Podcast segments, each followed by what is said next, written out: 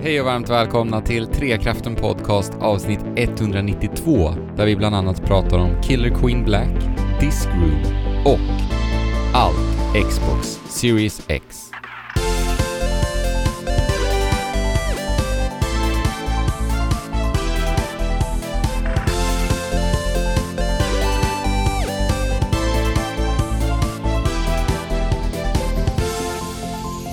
Vad är det som är vackert, kraftfullt och fyllt av spel?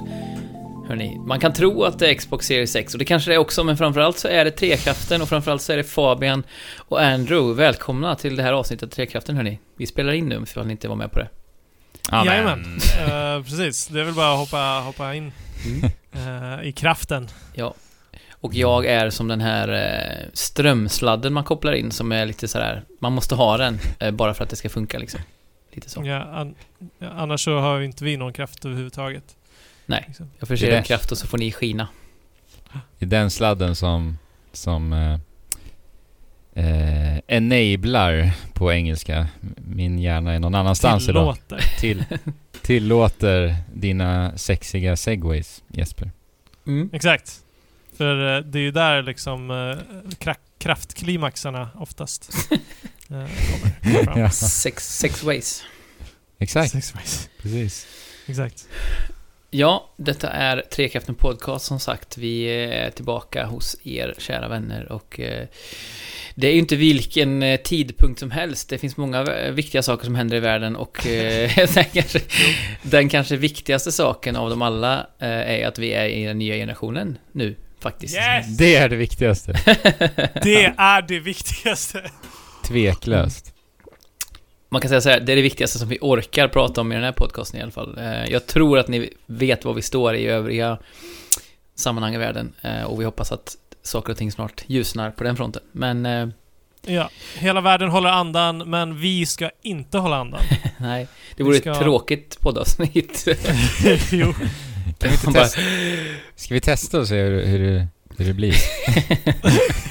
ska vi prata medan vi håller andan eller ska vi... Ja, exakt. Den blir jobbig.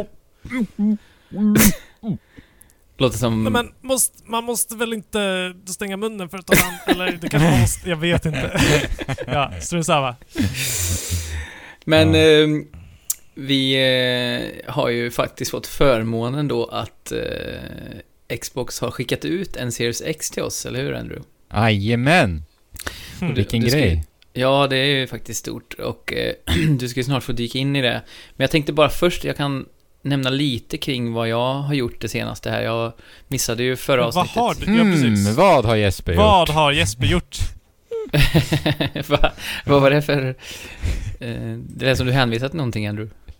Ja, Jaha, ja. Ja, ja. Nej, ja, vi, tänk, vi, tänk, vi tänker inte på samma sak. Vi tänker inte på samma Nej, sak. okej. Jaha, du har gjort nå- någonting annat? Ja, jag har befunnit mig i, i dödsriket. eh, Men jag har också befunnit mig i Skövde, vilket kanske kan Just. sägas vara ungefär samma sak. Men... Ja. eh, men, eh, ja, nej men jag var ju på. SGC, Sweden- Game Conference och var eh, Mm, programledare för deras studiosändning eh, under ett par dagar. Och det var väldigt trivsamt, för man fick träffa stora delar av Skövdes spelbransch och även andra delar av spelbranschen, men, men mycket centrerat kring Skövde eftersom att det är där eventet sker. Mm. Eh, Vänta, står det för Skövde Game Conference? Nej, det står för Nej, Sweden Game Swedish. Conference. Det står för Swedish. Ja. Så, Inte så är det. Eh, men poängen där är ju att branschen i, Sverige träffas och framförallt då mycket centrerat kring Skövde med, med naturliga, liksom, att det är lättare att få, få dit eh, utvecklare som sitter på plats. Och Jo. rikta sig en hel del till studenter för att kunna ge tips om hur man kan tänka när man, under studietid och när man ska ut i branschen. Så att, Ja, eh, det, det är fantastisk, eh, fantastiskt initiativ. Men jag blev, jag blev lite tagen på stolen när jag såg att du liksom var i eh, tv-rutan för, för det här utan att du har nämnt det eh, ens lite. ja. Varför har du dolt det här för oss? Nej men det är ju ett, ett väldigt strikt embargo på det. Eh, helt enkelt. Mm. Nej. Ja, okej. Nej, det är inte. Jag skojar bara. Nej, men jag... eh, Nej, okej. jag eh, det har varit så otroligt mycket att göra. Vi har ju varit ute och rest med jobbet eh, och det har varit läger och andra saker, så det har liksom... Det har bara gått i ett, så jag är väldigt trött också in i benmärgen så. Men det var väldigt kul att göra det här. Dels för att få vara lite programledare igen, vilket ju jag har varit tidigare i min karriär en hel del. Ehm, och sen också få träffa alla de här människorna och diskutera i detalj. Alltså man får ju nörda loss då i de här panelerna i en halvtimme ungefär om ett visst ämne eh, med experter på ämnet. Så det var ju verkligen lyxigt att få sitta där och ställa de här frågorna och det behövde ju inte... Ibland så kan det bli konstruerat att man ska ställa frågor kring saker och ting som man känner till, men här är det ju så mycket som jag inte vet och som jag är väldigt, nyfiken på. Vad Mm. gäller eh, speldesign eller ljud i spel eller... eh, Och specifikt den sista panelen jag höll i som handlade om eh, skrivande i spel var otroligt intressant och vi höll oss ju inte till manus för fem öre för vi kom in på massa andra intressanta spår. Eh, Så det var, kul. ja, det var, det var härligt. Jag kollade på en i efterhand, en panel som du eh, ledde. Och det var Mm. den eh, som följde upp eh, en Image and Form speldesigners. Ja, precis med, eh, vad heter han? Ehm, Robert? Var det så? Ja, Ol- precis. Precis, Robert. Vänta. Exakt. Eh, Han, och- prat, han pratade ju om det, det så kallade imposter syndrome som... Eh, Just det. det var kul att höra hans perspektiv på det. mm. Eh, Det var väldigt Och- bra tyckte jag, att ägna ett helt Mm. segment åt den som säkert de allra flesta i spelbranschen som är nya och i många andra branscher för den delen har och bär med sig. Mm. precis, det har man ju känt kan jag säga. Mm, jag förstår det. Ja. Eh, nej, det var, det var bra och eh, Mm. eh, att eh, hålla allting på engelska var ju en utmaning också. Eh, det var ju nästan bara svensktalande, det var några engelsktalande också, men i övrigt var det Så att, att kommunicera med varandra på engelska var ju lite, lite annorlunda. I en studiomiljö just, man ska försöka vara lite distinkt. Det är alltid svårt, men Mm. ja. Du det gjorde ett utomordentligt jobb Jesper. Tack. Eh, finns det här på YouTube att Ja. titta på eller måste... Ja, Youtube. var det snabba korta svaret. Yes. Mm. Så det här är startskottet för, för en eh, lång serie mm, årlig konferens.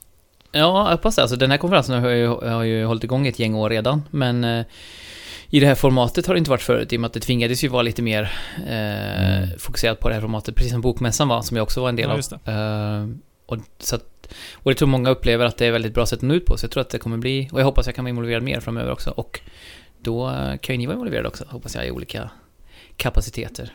Eh, Det vore angenämt. mm. Mm. Men eh, som sagt, annars så har jag mestadels befunnit mig eh, djupt, djupt under marken i det eh, inte så ödsliga dödsriket. Det Nej. vi- vimlar av, mass- av människor. Och, Är det sant? ja, jag har... Jag, har jag, jag gav det ändå en chans. Igen. Eh, Ja. du gjorde det. ja, Hades. Hur många, Eller hur många chanser har, sig har, hur många chanser har du givit? Givet Jag har givit Ja. eh, cirka 80 chanser i, i, när vi, i skrivande stund, och så här, i talande stund. Eh. Och eh, nej men det är fantastiskt, det, det har vi, vi pratat om det här i var en och en halv timme i förra avsnittet jag var med så vi behöver inte stanna jättemycket vid det, men jag har ju spelat Jag har ju spelat 90 timmar ungefär i Hades nu, Mhm. Ja. eh, och jag har klarat av det 25 gånger nu då. Eh, Nice. vilket, Okej. vilket är fem gånger, min bästa streak nu då, på gång just nu, är fe- fem gånger i rad. Så att jag känner att jag har nått en nivå där jag, alltså att komma till Hades, eh, slutbossen, det är ju liksom, det gör jag nästan varje gång. Men nu att nästan klara av det varje gång också, eh, oavsett vapen, har jag börjat landa i. Och det känns ju kul. Det ger ju någon form av kvitto på att man ändå har spenderat rätt mycket tid på spelet. Mm. Men det är, ja, ja, förlåt. Efter 90 timmar, är det ingenting du känner att du börjar tröttna på eller att du börjar bli mättat liksom? Alltså, jag är Ni vet, vi pratade om Tony Hawk här i, tidigare under säsongen. Jag är ju en spelare som hamnar i så här eh, obsessiv eh, mönster liksom. Eh, Ja. och ibland, alltså det är inte alltid hälsosamt, men jag har haft mycket tid själv nu som jag har varit iväg och jobbat, så det har varit liksom perfekt att kunna ägna sig åt spelet och bara njuta av det. Eh, så jag vet inte, alltså nej, jag tycker mig väl inte tröttna eh, egentligen. Det som är så sjukt är också att fortfarande efter 90, alltså 90 timmar i spelet, jag, jag vet inte, jag har inte kollat nu, men det stod väl eh, more than 80 senast och det, då har jag spelat fler timmar sedan dess liksom. Eh, men jag säger att efter 90 timmar i spelet så är det fortfarande så att det introducerar nya saker. Ja, Och- jäklar. och det... det- Det, skulle vara min följdfråga naturligtvis. Ja. Vadå? Så att efter... Jag trodde att typ allting skulle börja, börja ägg, ebba av lite efter, vad, vad är det? 10, Eh, tio, ja. tio avklarade rundor. Ja, och man kan ju definitivt känna sig klar då med spelet. Spelet eh, eh, presenterar sig på ett sånt sätt att, att man kan säga okej okay, nu är jag nöjd med det här och lägger åt sidan. Och jag sa ju också då att okej okay, jag har klarat det 10 gånger, men jag ska klara det 20 gånger, sen så ska jag liksom lägga det åt sidan. Och nu är jag uppe i 25 gånger. Uh, så att, ja. Men nej men alltså det är som vissa av karaktärerna som, som liksom uh, uh, har varit på ett sätt under de allra flesta timmarna jag spelat som plötsligt förändras. Jag vill inte, jag vill inte säga för mycket för jag vill inte spoila men på, på ett sätt som man inte trodde skulle hända. Uh, mm. Och det är ingen superstor grej, det är liksom ingen så här huvudkaraktär som plötsligt byter sida och blir ond eller god, utan det, nej, men det, men det är ändå en karaktär som man har träffat många gånger som plötsligt ändrar beteende efter 90 timmars spelande och nya mm. dialoger, vissa dialoger upprepas ju nu, men det är väldigt många dialoger som fortfarande är helt nya och det är helt galet med tanke på hur mycket dialoger det är här i spelet. Ja. Ja. Um, och, det, eh, det är ofattbart. Det, som jag, har- det som har hänt med mekaniken är väl att jag har hittat en del bild som är liksom så här, aha, det här var en sån OP-bild liksom som man snubblar Mm. över och, och kan då försöka då replikera flera gånger. Så jag har, eh, har liksom hittat några sådana. Ehm, och det är ju bland annat då Adamant Rail, det vapnet. Den, det finns ju hidden aspects på varje vapen som man låser upp efter ett tag. Och den har ju en sån Precis. som pulserar. Det är ju djävulens, den Lucifers eh, vapen. Men då, eh, och det, det är också kul för de kommenterar så ja ah, det här verkar vara någon som var bra på förstörelse. Men undrar vem det här är, eller kommer bli snarare för att det är ju... eh, nej, är är det ju för att det utspelar sig innan. Och sen finns det ju ett svärd som är kung Arthurs svärd. Och då refererar de till att ja, ah, i framtiden någon gång så kommer det här vara kung Arthurs svärd. Och jag hoppas han kommer ta väl hand om det. Jaha, okej, jag har inte fattat det. Att det, det är framtidsblickar. Shit vad coolt. Ja, nej men... eh, Shit vad coolt. Men med Hidden Aspects då, då finns det ju den här Adamant Rail, det här geväret, eh, vissa kombos med det som är bara så här. eh, Jag hade ju en, eh, den pulserar skada och då pulserade den eh, eh, Doom, alltså Aris eh, eh, Mm. perk som gör att de tar skada efter någon sekunds fördröjning. Eh, och den, den lägger ju på den varje gång den pulserar. Eh, plus att man kan då eh, få så att man lägger ut tre sådana bomber samtidigt i snabb följd. Och att arean blir större på pulseringen. Så att man kan i princip bara skjuta ut tre sådana, stå bakom en pelare och bara chilla tills Mm. fienden är döda. Ja, de där bildsen alltså. Det... Ja, shit vad tillfredsställande det måste vara. Ja. Vi får Ja. se var det här slutar. Om, eh, om du kommer liksom så här eh, fint och jämnt bara glida över själv till dödsriket när du liksom kanske avlider Precis. jag drar min sista, drar min sista suck och sen är jag där på riktigt. Jag Men hoppas du kommer inte inte det. känna, du kommer bara liksom fortsätta spela. Ja. Men jag, eh, jag har ju, jag, jag har kollat upp nu hur epilogen kommer fram, för jag har ju varit tvungen att kolla det, för jag visste inte det. Eh, Så nu vet jag hur man tar fram epilogen, och när jag har klarat epilogen, då tänker jag ändå, jag inbillar mig att jag ska sluta spela då. Eh, Så att jag kan sluta när jag vill, som man brukar säga. jo, visst. Men det finns ju en sista utväg och det är ju Jesper. Att Kapten Olimar kommer och Mm. räddar dig. Han har anlänt idag, Yes! eh, i min brevlåda. nice! Alldeles eh, välbehållen och fin inplastad. Eh, Pikmin 3 Deluxe Edition, eller version kanske det heter. Eh, ska jag ta mig an. Jag tänker att jag ska spela det med, med Greta eller, eller med Nils. Förmodligen kanske Greta är mer intresserad av det. Eh, det gu- gulligheten i det hela. Eh, Nej. Ah, du, har, du har ett av världens mysigaste spel mm. framför dig. jag, Och du har aldrig spelat ett Pikmin tidigare, så att inte, det en är lyx. inte en minut tror jag jag har gjort det i Pikmin. Jag har spelat Molly Marie Smash, det är väl det. alltså Jesper, Pikmin är destillerad Nintendo-mys. Njut. Jag, ja, det kommer lägligt. Mm. Men... Behövs. Som sagt, eh, det var Hades och det var Skövde och också known as Dödsriket. Eh, men eh, vi kan väl hoppa in i framtiden då. Andrew, du har fått smaka och känna och klämma på framtiden eh, Mhm. i form av Xbox Series X. Visserligen med en eh, lemlästad, eh, lemlästat finger också. Ja, precis. Eh, nu som sagt då, eh, det här är nästa generations konsol jag har suttit och pillat med den senaste veckan här. Är den så vass att man skär sig på den?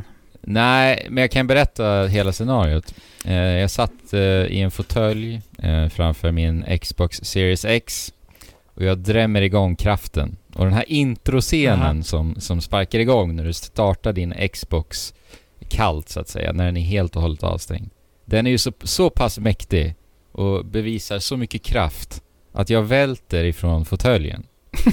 Och jag spräcker glaset som jag har så fint bredvid mig.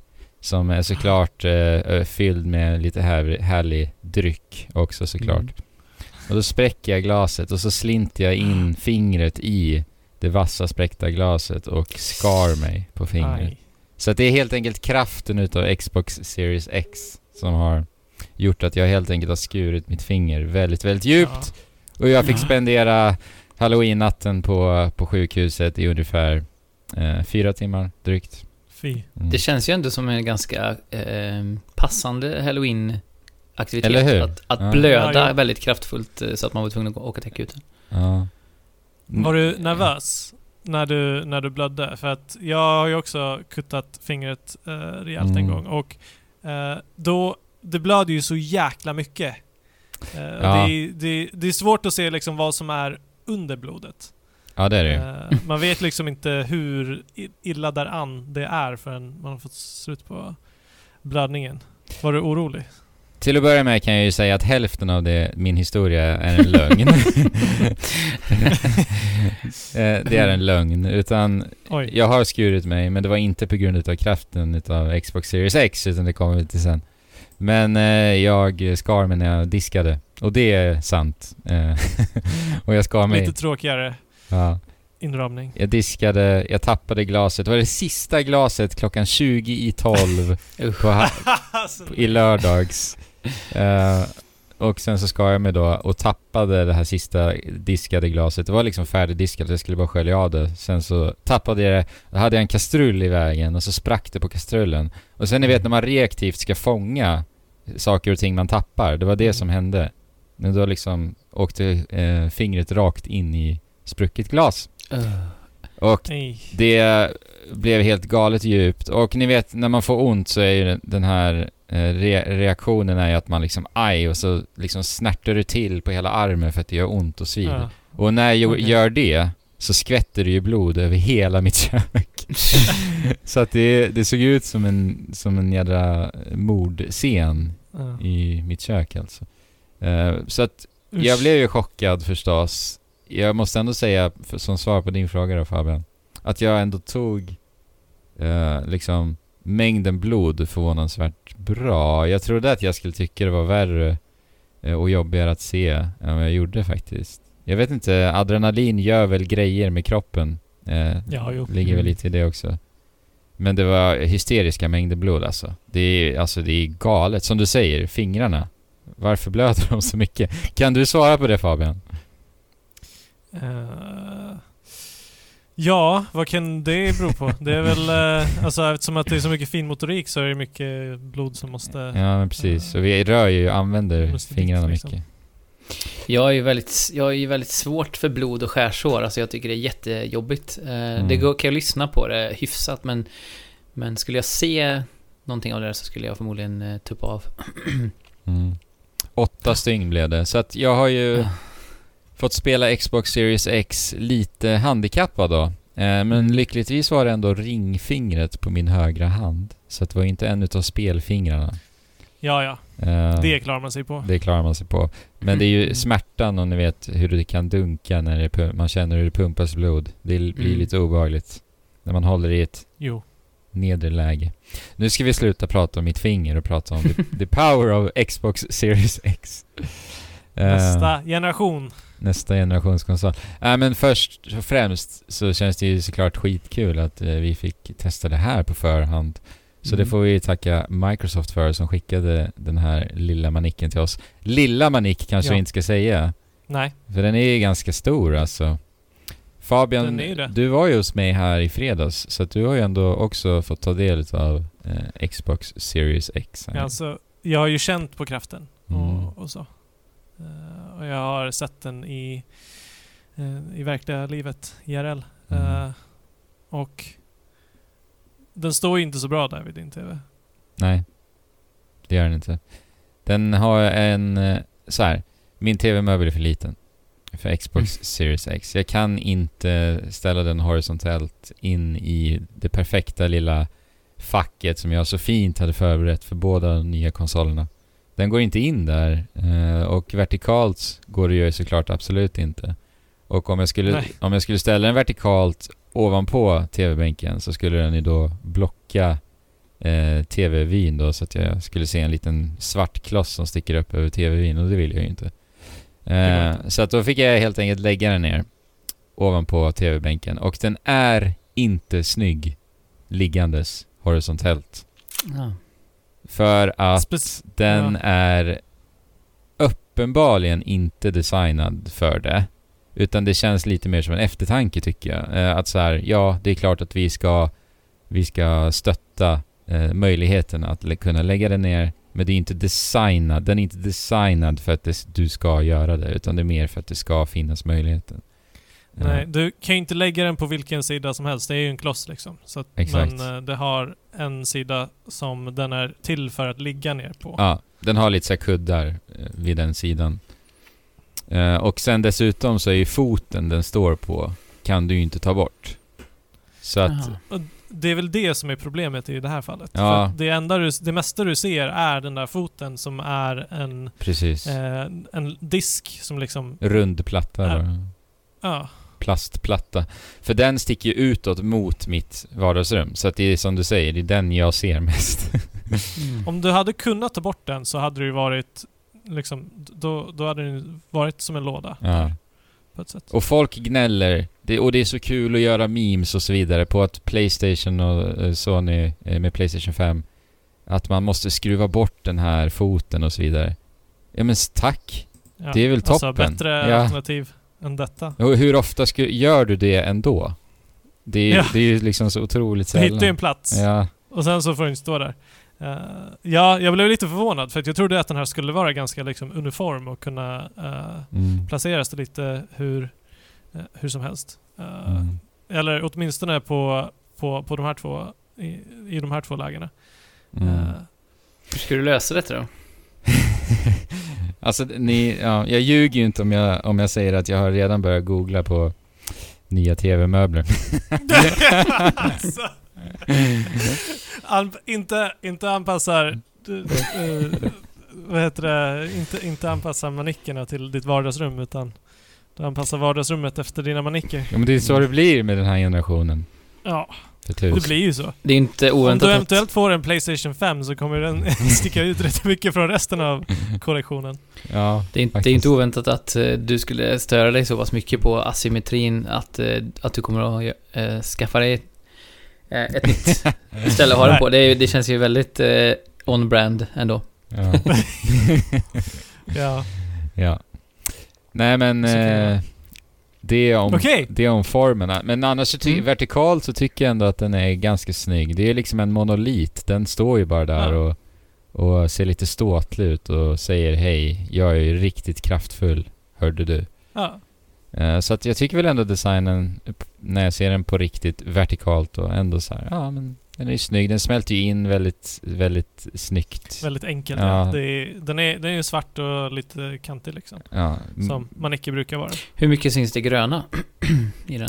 Ja men ganska mycket ändå när du tittar, för det är en optisk illusion för de, de är ju insidan på den här vet du trypofobi-eska toppen på Xbox Series X eh, är ju så här färgade då, insidan av alla hålen.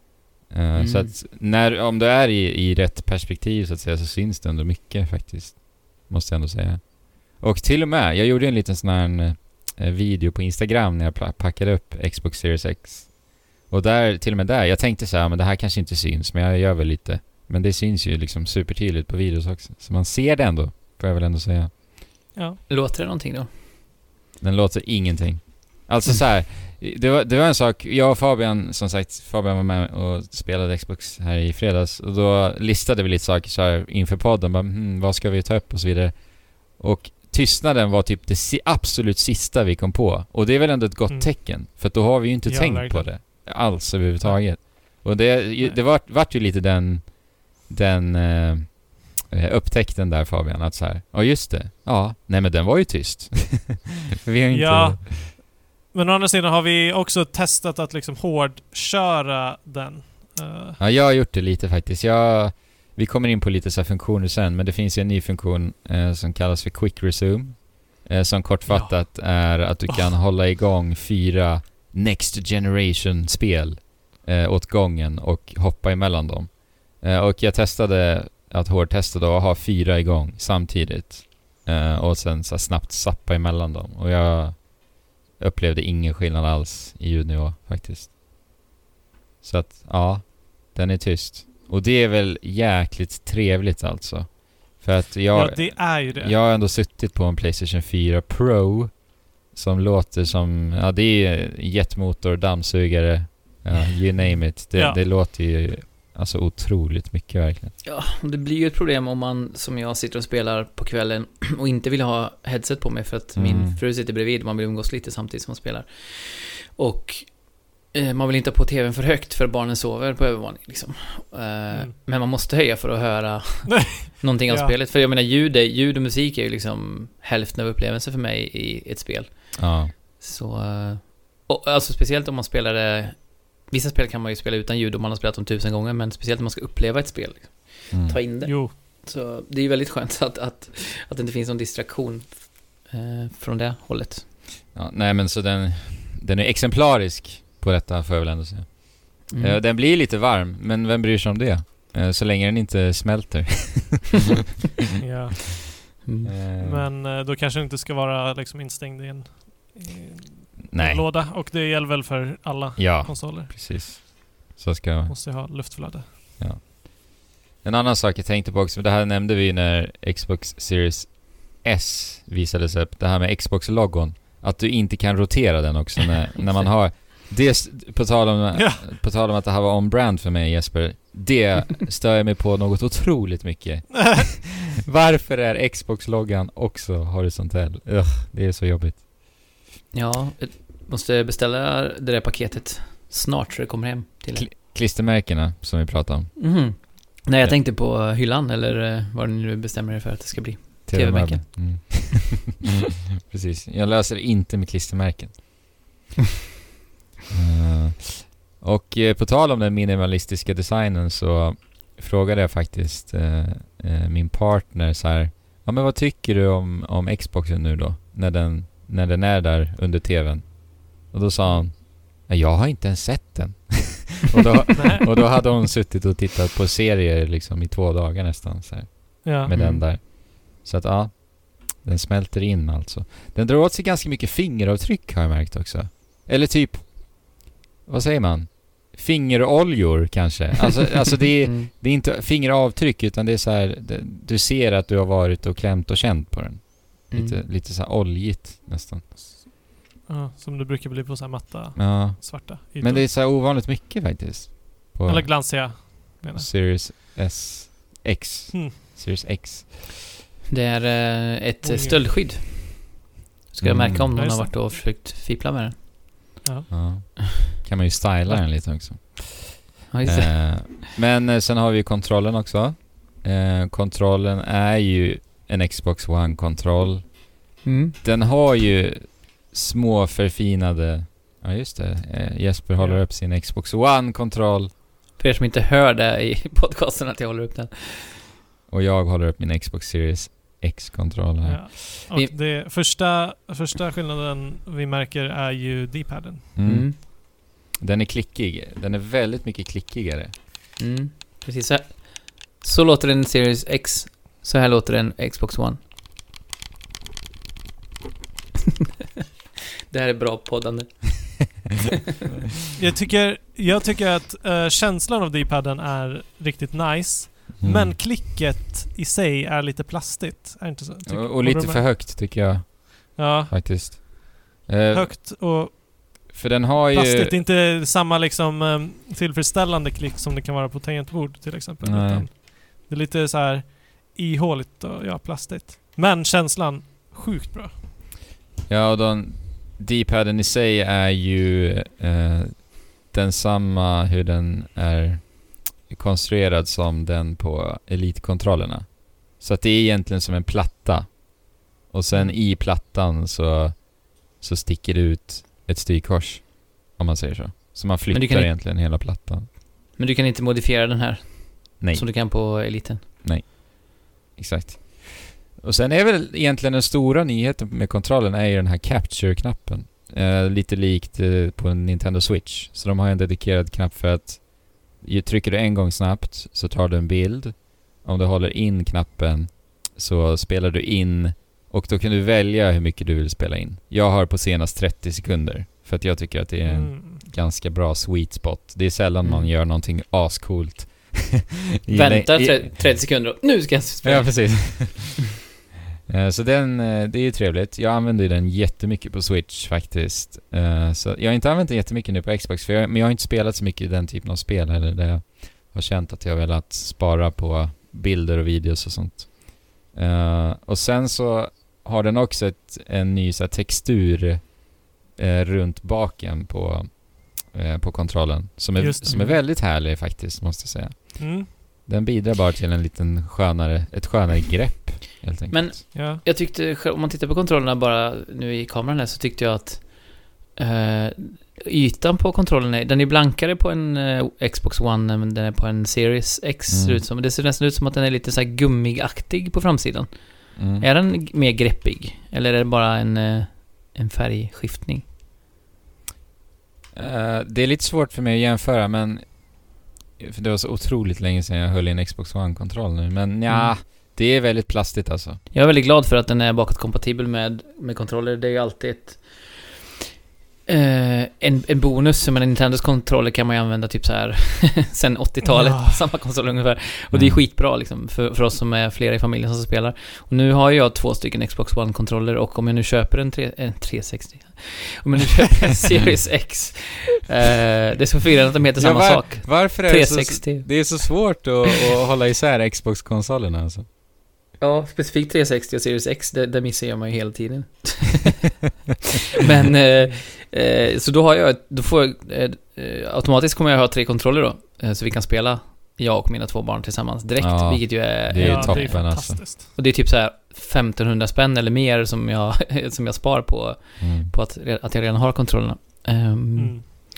Så jag vet Mm. inte, jag är fortfarande så här i valet och kvalet hur jag ska göra, om jag ska köpa en Xbox eh, till jul eller om jag ska försöka mig på att få en PS4 på något sätt eller vänta tills jag får den liksom. Jag vet inte. Ja, när det Mm. kommer till kontrollen så, gör ju, så är ju PS5 någonting nytt. Ja.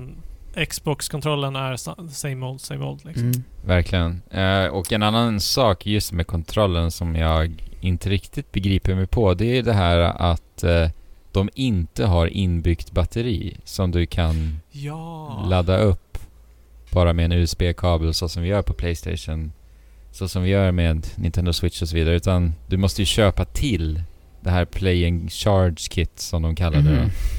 Så att det är ju Ja. AA-batterier helt enkelt i Just det. kontroll.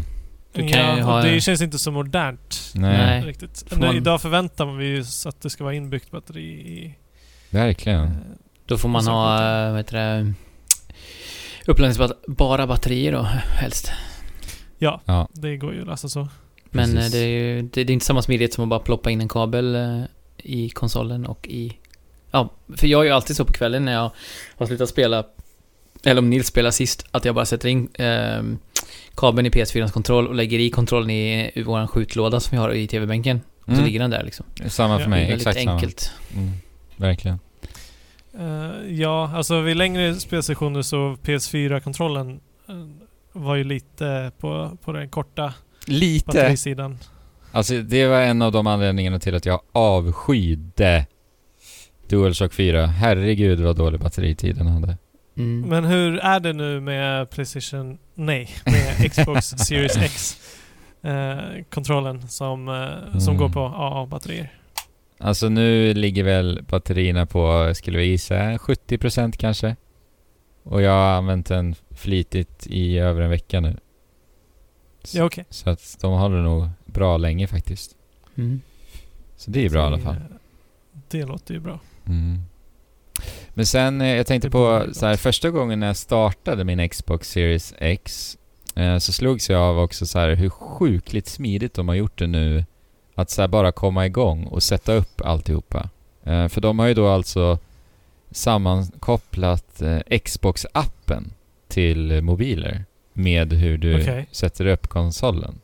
Så att det, först, Okej. det första som dök upp var så här, ja men gör det här smidigare, så laddar du ner Xbox-appen Och så gjorde jag det. Och sen så sköter du allting i telefonen. Jätte, jättesmidigt. För att ni vet, ni vet sen när man ska sätta upp saker annars på konsol så kan det, det här digital eller det kommer upp ett skrivbord på tv-skärmen helt enkelt. Och så ska du hålla på och fippla med D-paden och skriva in. ja, ja. Det är ju bara jättebökigt. Men här var det ju liksom supersmidigt då att ha appen sammankopplad. Och så var det bara Okej.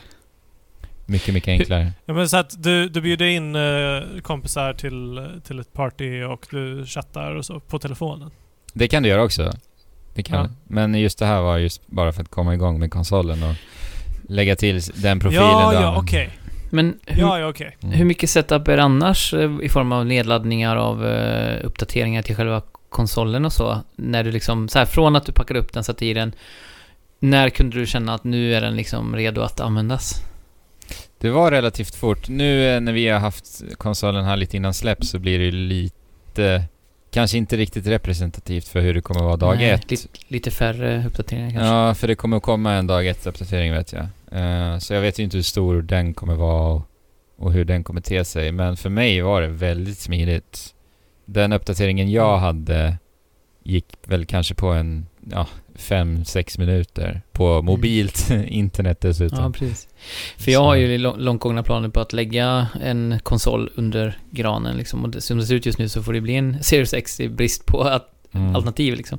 Det känns också som ett bra alternativ, men då är det ju verkligen så här. jag tror att jag ska öppna paketet, eh, eller konsolen innan så Ja. smidigt som möjligt och Mm. fixa allt sånt och sen sätta tillbaka den i, konsol- i eh, kartongen. Mm. För att inte få den här så här, åh, vi har en ny konsol, vi ska spela den på julafton. Och så bara, ja, då får vi sitta och vänta en halvtimme på uppdateringar liksom. Mm. Och jag, ja, ska, men vad omtänksamt alltså. Vad smart. jag har hört någon annan säga det, att det är ett bra tips liksom att göra så. Ja. Eh, och samma sak, ladda ner Fortnite till exempel, som jag vet att Nils Ja. kommer vilja spela liksom. Ja. Så att allt är klart bara. Det, det kommer ju få en Series X-uppdatering Mm. här snart också.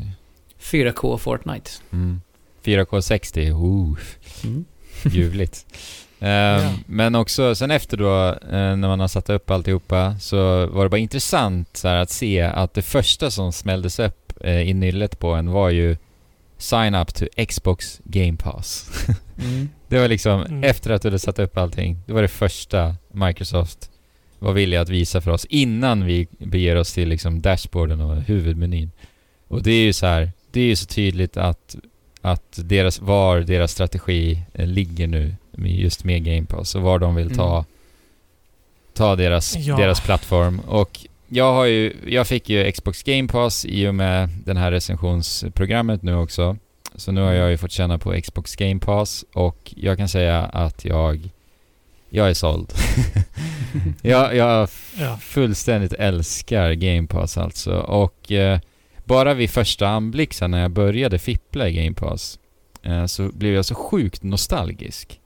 Eh, och, Ja. och det var för att så här, jag Just minns tillbaka när, när jag och Alex framförallt spelade mycket tillsammans och vi hade vänner över och spelade, ni vet, lokalt eh, i ett gäng. Och så, så då ändrade och bytte man ju spel ganska mycket. Man hade ju liksom ett gäng Ja. spel som man skiftade emellan och det var mycket lokalt eh, roligt multiplayer.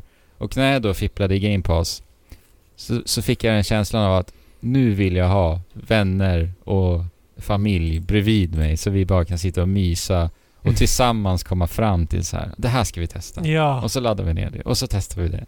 Och så har vi kul och skrattar och kanske gråter också för att någon får stryk i något fightingspel. Nej men alltså det var verkligen jättenostalgiskt och jag, jag började messa lite med Alex och vi båda så här bara överöste eh, liksom eh, eh, vad säger positivitet. Alltså vi prisade Xbox Game Pass för hur- Mm. hur fantastiskt det är. Mm. Eh, och För de Ultimate, som inte hänger med i svängarna kan vi säga att Game Pass är eh, ungefär som Netflix fast för, för spel. mm. Liksom.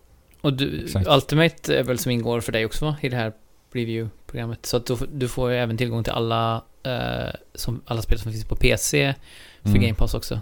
Eh, Precis, och även betan för Xcloud faktiskt. Mm. Mm. Jag testade det i Spännande. förrgår. Eh, det funkade inte alls faktiskt på mitt mobila internet. Så att jag, Nej, jag la ner det ganska snabbt därefter. Mm. men det vore väldigt intressant att se på ett snabbare internet. Vad var det Mm. man fick testa på Xcloud? Eh, nej, men du har ju hela Game Pass-biblioteket. Ja, ja okej. Ja. Allting där. Ja. Ja. alltså biblioteket är ju enormt och, och det, det är stort. Jag, eh, jag räknar igenom alla spel som finns tillgängliga just nu. Eller för en vecka sedan. Eh, och jag kom fram till att det var 40 spel som jag gärna skulle vilja testa. Ja. Mm. 40 spel! Ja. Som jag typ inte ens, det, det är ju svårt att hålla koll på, på alla spel som liksom du, eh, du ser någon liten så här recension eller eh, på något spel som ser mysigt ut. Mm. Men många av de spelen kommer du aldrig testa. Nej, exakt. Det, det finns väldigt, väldigt många Exakt. eh, av de här typerna av eh, mindre spel framförallt. Mm. Som ser mysiga ut men som du, du är inte riktigt investerad, tillräckligt investerad för att ta reda på ens om, om du tror att det kommer vara värt dina pengar om du skulle köpa det. Mm. Men här är det ju bara fritt fram och Ja. testa liksom. Det är ju just det. Alltså Game Pass får en att upptäcka och kanske i förlängningen till och med uppskatta spel som du kanske aldrig någonsin hade gjort något utav det. Nej. Eh, Jag funderar på det, det har jag funderat på länge just eh, med tanke på om jag ska skaffa en Xbox. Jag hade, jag ägde en 360 och spelade jättemycket på den. Eh, Och där har jag mitt konto på... Vad heter det? Xbox Arcade. Jag vet inte, var det namnet på det? Eller var det indiespelen bara som var Arcade? Jag kommer, jag kommer inte riktigt ihåg.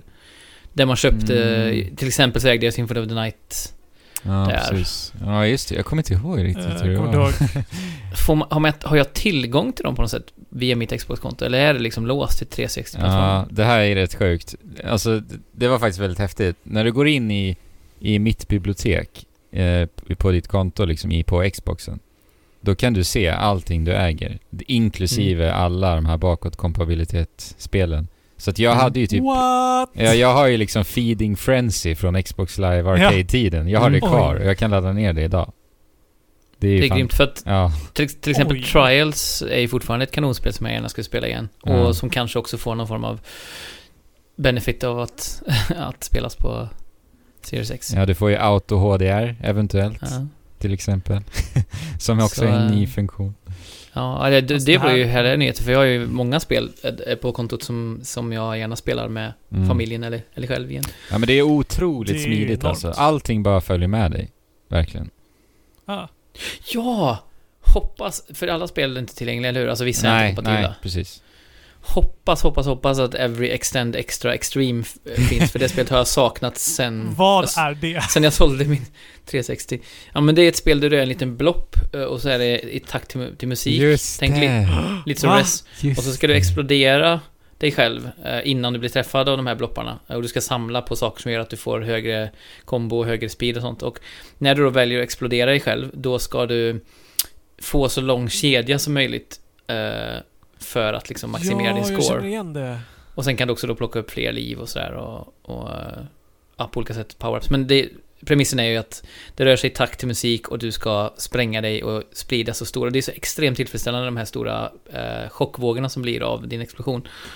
Ehm, och jag har aldrig hittat något spel som ersätter det för mig, för det kunde jag spela när jag var liksom så här helt slut i huvudet efter en dag på jobbet eller arg över någonting eller frustrerad eller liksom så kunde man bara koppla av, koppla bort hjärnan och spela det där och bara Mm. dy, dy, djupdyka in i, i det. Vad Mm. heter du sa du? Every extend extra extreme. Every Extend Extra Extreme. ja. Kallades... E4. Ja, exakt. E4. Ja, Mm. precis. Ja, vi får hoppas Det- att det finns kvar. ja, det är ändå roligt att, att det som får mig mest exalterad är ett så här Mm. eh, paint-liknande spel. Men ja, nostalgin som sagt. Ja, och på tal om nostalgi. Ja, alltså när jag gick, när jag gick in på Game Pass eh, första gången där som sagt, och så laddade jag ner säkert, eller jag satte på nedladdning säkert 20 spel eller någonting. Eh, ja. Och sen insåg jag bara, ja ah, just det, jag har ju mobilt internet, det här kommer ta typ tre veckor att ladda ner. Så att då fick jag ändå så här, eh, ja, prioritera lite vilka jag skulle fokusera på mest.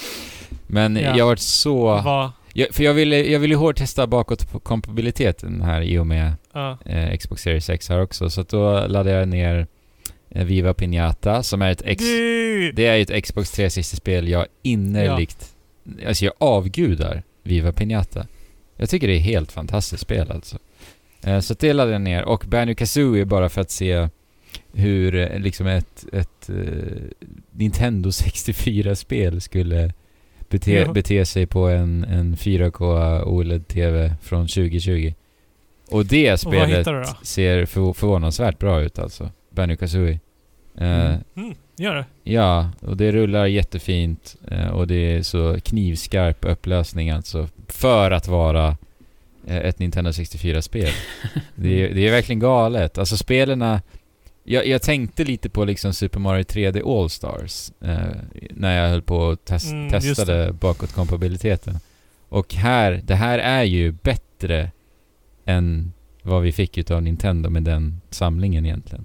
Och det... Det säger ju lite, en, eller en hel del om eh, latheten bakom Ja, den portningen. Och det här är inuti Game Pass och det bara funkar. Eh, Mm. liksom, det, är, det är ingenting de går tillbaka till ritbordet och knoppar ihop och, och ger oss. Utan det, det är deras teknik med bakåtkompatibiliteten. Liksom.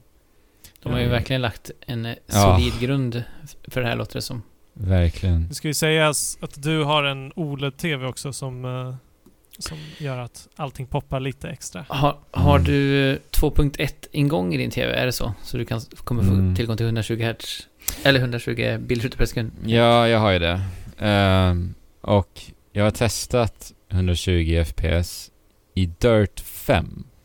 Mm. Det är ett spel som vi fick för att testa. Och jag kan säga bara så här spontant, jag har testat båda två. Fabian, du, visst var du med när jag testade också? Ja, det var du ju. Ja, Ja. vi har testat det. Och, och jag tycker att jag ser så lite skillnad alltså. Jag lovar att absolut, jag hade sett en skillnad och märkt av en skillnad om jag hade ställt två TV-apparater bredvid- varandra. Där den ena, ena rullar i 120 och den andra i 60. Men för mig är det verkligen inte viktigt har jag kommit fram till efter att jag nu har liksom testat bägge. Och det tror jag gör många glada också. Vi har ju haft en diskussion på vår Discord eh, rätt livligt här de senaste dagarna om om det här och jag har ju upptäckt det nyss också att jag köpte ju TV för två år sedan vilket jag tyckte var perfekt timing för då var liksom Mm. eh, Jag har riktig 4K-TV liksom och, och riktigt bra prestanda för de pengarna som vi betalade. Det var ju på Black Friday så det var så här riktigt bra eh, rea också. Men sen så inser jag nu att eftersom att jag köpte den för två år sedan då är det inte rimligt att köpa en ny TV nu. Nej. Och den har ju såklart inte en 2.1-ingång då eftersom att för två år sedan var inte Nej. det en grej riktigt. jag tycker...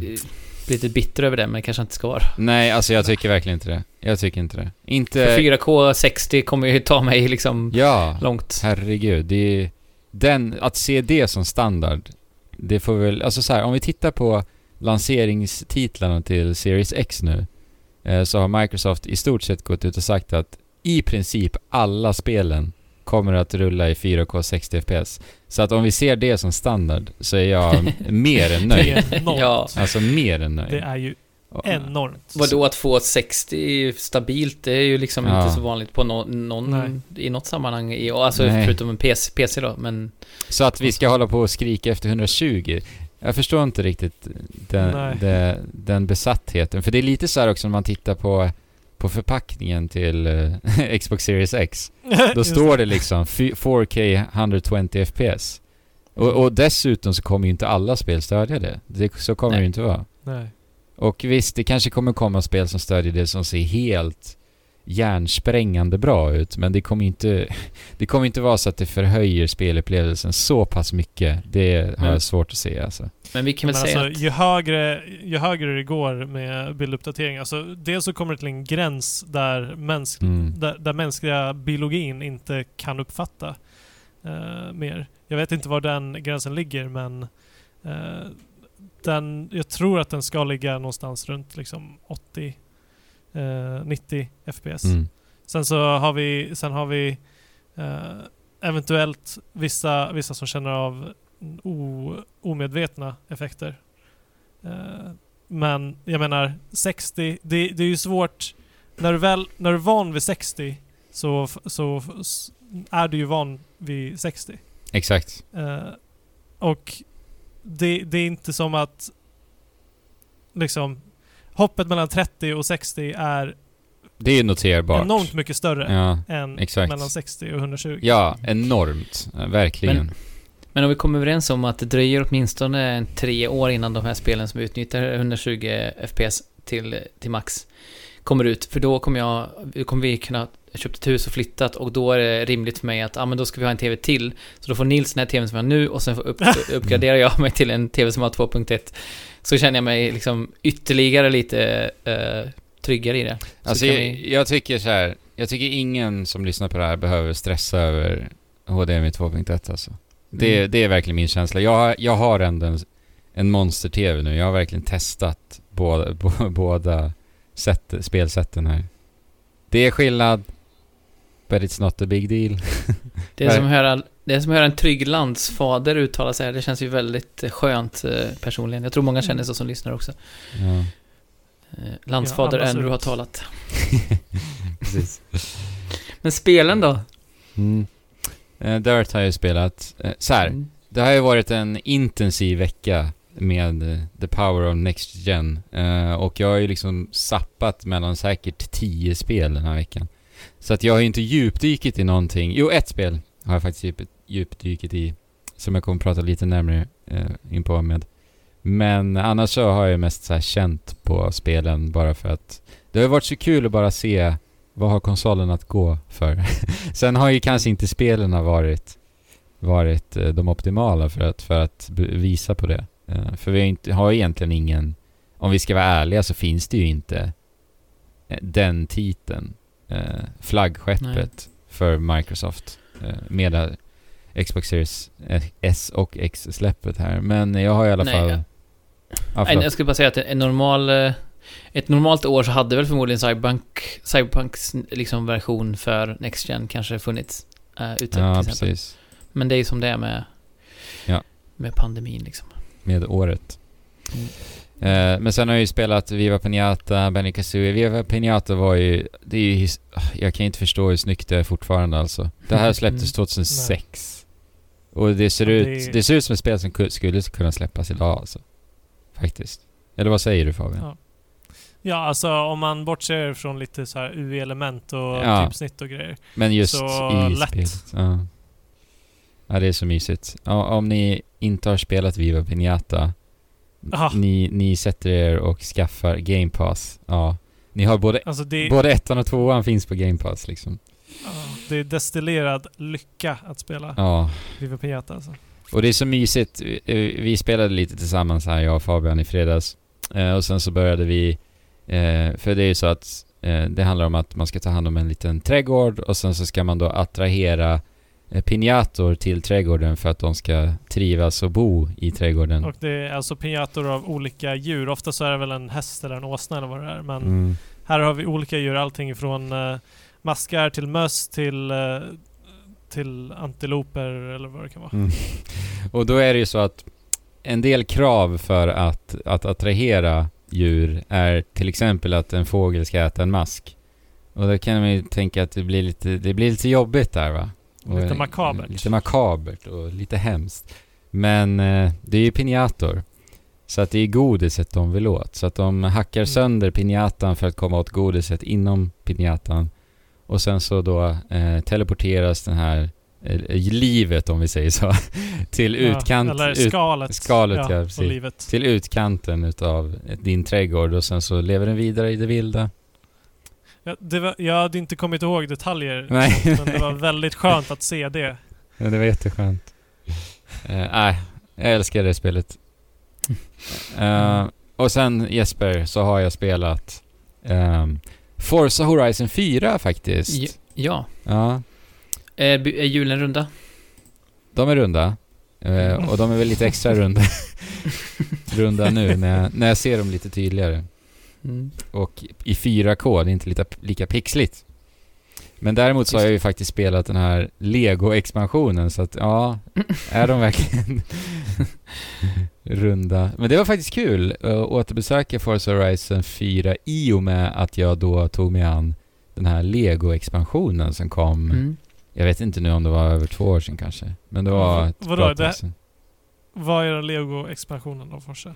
Ja, det är helt enkelt ett helt nytt område som är en Lego-värld. Okay. Eh, och sen så är det Lego-bilar du ränner omkring med. Det är bara en liten så här... Coolt. Litet skönt, litet skifte i biom va. Får vi lite, uh, åka runt bland legoklossar istället. Eh, men det var Men är ju de snygga då, Lego-klossarna? jättesnygga. Reflektionerna och HDR-effekten där vet du, när solen träffar legokloss. Raytrace, Raytracing, Plastic. Precis. Eh, Ser man några legogubbar Ja, miljön? faktiskt. Och de är lite så här stop motion eh, animerade s- som i filmen. Och en, en radiokanal hette Everything is awesome. Ja, Ja, Ja, just det. såklart. alltså det soundtracket awesome. Soundtracket till andra filmen, jag har bara sett andra filmen faktiskt, inte första konstigt nog, eh, är ju jättebra. Robin är med bland annat Mm. eh, i det. Jag, har också- jag har bara sett första faktiskt. Eh, så det var ju kul att spela lite Forza Horizon igen. Det är ju som sagt, när jag har pratat om det, det är ju meditation alltså, att spela det där spelet. Och lyssna på ch- churches och ränna omkring i, i legovärlden och bara göra lite, ta sig an lite triviala uppdrag. eh, som, som handlar om att åka bil. Hur upplever du Forza Horizon vs eh, Dirt då? I, Ja, bra fråga. Eh, Forza Horizon är alltså hästlängden bättre verkligen. Det, är- Mm. det, är, trots att det är ett gammalt spel jämfört med ett... För Dirt 5 är väl helt nytt, är det inte? det är helt nytt. Det släpps, jag tror att det släpps på lanseringen eh, Mm. nu. Men jag vet inte, Dirt 5 kändes, det känns bara så, så själlöst och eh, de har inte riktigt någon identitet i inramningen riktigt. Det är Troy Baker som håller på och ropar. Sladdar runt. Ja, nej, han ropar mycket. Mhm. Röstskådespel. Ja, just det. hade, Ja, det hade ju fant- varit fantastiskt om de hade Troy Bakers modell. nej, men jag, jag, jag, blandade, jag blandade ihop Troy Baker med Ken Block. Eh, Ken Block, som ni säkert känner till, är ju en eh, legend inom den här Gymkhana-scenen som handlar om att sladda runt. Det var därför jag, jag trodde du sa, jag trodde du sa Ken Block, du sa Troy Baker. Det var inte riktigt samma sak. Troy Baker. Mm. Ehm, och bara körkänslan. Nu är inte jag någon så här racingspelsexpert, men Forza Horizon 4 känns bara ljusår bättre. På, på alla sätt och vis. Eh, som sagt så bara tonen i Forza Horizon också väldigt mycket mer härlig. Så Mm. ja, nej jag var, var inget jättefan av Dirt 5 faktiskt. Så, och när, sen när jag testade Forza Horizon 4 nu igen på Xbox Series X så har det varit det spelet jag snarare sätter igång. Om jag vill racea lite liksom. Så att, Mm. ja. Ingen jättehit för mig faktiskt. Eh, sen har jag spelat Ori and the Will of the Wisps eh, och test, Ooh. testat det. Det har, Hur, eh, det har inte blivit Series X-optimerat än faktiskt. Nej, okej. Nej, Nej, okej. det blir det idag. Blir det. Mm. För det är väl det Jag som är intressant om det Alltså, spelet i sig och miljöerna och allting är ju liksom redan eh, Ja. jättefint. Men, men det hade ju en hel del... Jag hade ändå helt okej, men det var, hade ju en hel del problem tekniskt när det släpptes. ja, men exakt. Så det får vi väl återkomma till lite. Eh, jag vill gärna Mm. se... Du har inte märkt av någonting nu, liksom, att det är bättre? Nej, inte mer än att jag testade på OLED med HDR. Mm. Eh, och ni vet första scenen där så eh, blixtrar och dundrar det i en mörk Mm. skog. Och det var sjukt Mm. snygg effekt eh, med, med Alltså HDR. ljus, ljuset oh. i hela spelet är ju enormt, Ja. så att jag kan tänka mig att HDR gör mycket Ja. för det. Ja, verkligen. Eh, sen har jag testat Hellblade. Eh, och det är ett spel som jag gärna vill spela igenom faktiskt. Och eh, stark inledning, väldigt indragande inledning får jag väl säga. Eh, och det, det här är ju ett sånt spel också där jag ändå bli imponerad över liksom bakåtkompabiliteten, att allting bara funkar. Du har ett läge, jag vet i och för sig inte om det var det på Xbox One X nu. Uh, strunt samma, det är Xbox Series X jag har spelat. Men det finns ju olika lägen där du kan uh, skifta till högre bild, bilduppdatering och så vidare. Och det har jag ju testat och det ser ju så jäkla mjukt och fint ut. Uh, och Fabian frågade till och med, jaha, men kvaliteten förändrades den nu eller? Ja. På bildkvaliteten alltså. För det, alltså, Mm. det är ju skillnader, men de är ju så otroligt små. Så att, ja, det är liksom bilduppdatering alla dagar i veckan för mig. När det kommer till om jag ska kompromissa på, på upplösning. Mm. Ja. Vi testade ju även eh, Gears 5. Mm. Och, Yes. och spela, eller det har väl du spelat en, en, en liten bit i alla fall på Xbox Series X. Du har ju Mm. spelat det i sin helhet på På dator. dator. Mm. Mm. Och Hur det... skiljer det, det här sig mellan eh, din dator som du spelar på ett 1070-kort Yes. Ehm, det är ganska svårt att jämföra med mina bilder i huvudet, men det känns som att det här... För det här är ett optimerat spel, eh, Gears 5. Mm. Det är Xbox Series X op- optimerat. Och för det första, eller till att börja med, så är det ju mycket klarare och tydligare bild. Och HDR-effekten är ju sinnessjuk Mm. i Gears 5. Den är otroligt, otroligt snygg verkligen. Eh, det är just det, hur, hur realistiskt ljuset känns. Eh, för Mm. Gears är ju ändå ett ganska stilistiskt spel eh, i, i sin estetik. Men just Mm. med ljussättningen så får det ändå en lite mer realistisk känsla faktiskt. Vad, vad upplevde du Fabian? Mm.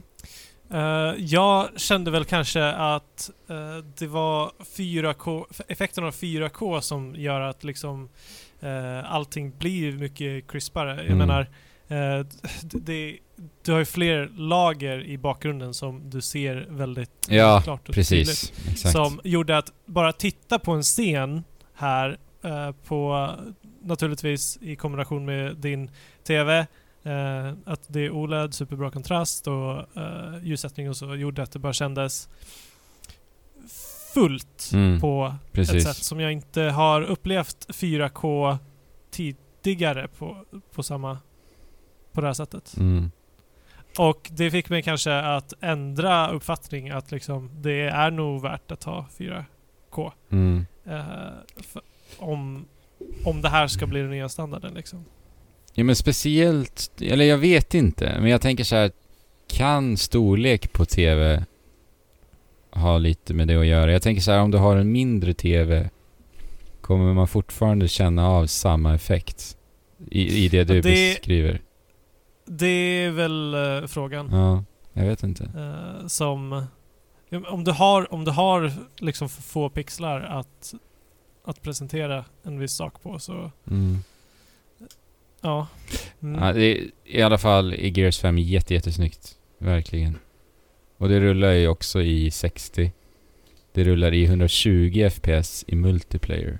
Som jag också testat. Och jag var, blev inte bättre på att göra headshots i 100. Nej. Nej, för att när det, kommer, när det kommer till kritan och du faktiskt spelar spelet eh, som, som du väldigt mycket har, har eh, talat för. Mm. Att liksom det estetiska blir en bisak när du väl spelar spelet. Ja, du tänker framförallt På det- med alla, alla dessa buzzwords som det slängs med. Fy- Exakt. 4K, 120 och bla. Ja, HDR. naturligtvis inte estetiken och, men... Ja. Nej men Mm. exakt. Eh, och det får jag väl ändå säga så här. nu har jag suttit med Xbox Series X en vecka som sagt. Jag har en otroligt bra TV. Det är lyx att kunna Mm. uppleva spel på det sättet som jag gör. Mm. Men jag hade klarat mig utan allt detta också. Det är jag rätt övertygad om faktiskt. Och jag menar, jag, när man spelar, jag menar Nintendo Switch, kolla på det. Jag kan fortfarande gå tillbaka till Nin- Nintendo Switch och spela ett spel i 900p på min 65-tums TV och ha precis lika roligt som jag har i, Och i även 4K. säga Wow vad snyggt det är. Exakt, exakt. Eller som de säger i Gears of War, shit yeah. Shit, yeah. Exakt. De säger väl så när man eh, laddar om eh, med så Ja. här active reload, det är väl en sån. Det låter Kommentar. som att det är något som kommer direkt från Gears, Jesper. Ja. Gör. Jag tror att det är så. Men det, Eh, Nej men så att för mig är liksom allt det här som vi pratar om, det är ju lyx. Eh, I slutändan är det riktigt jävla bra spel vi vill ha. Och ingenting Mm. annat. Eller för mig. Och det blev en bekräftelse på det nu när jag har suttit med Series X här också. Att för mig personligen så är inte det här det viktigaste. Utan det är spelen.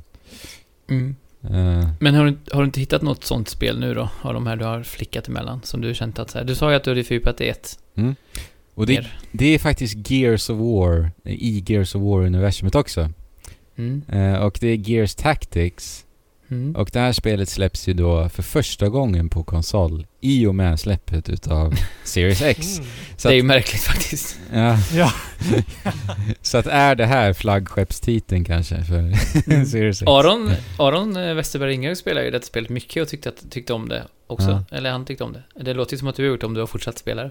Ja, jag får säga att jag eh, är förvånad lite. Eh, Jag är förvånad och imponerad, måste jag säga, av det här spelet. Eh, Det här är ju ett Gears of Wars turordningsbaserat spel. Ett turordningsbaserat strategispel satt i Gears of War-universumet.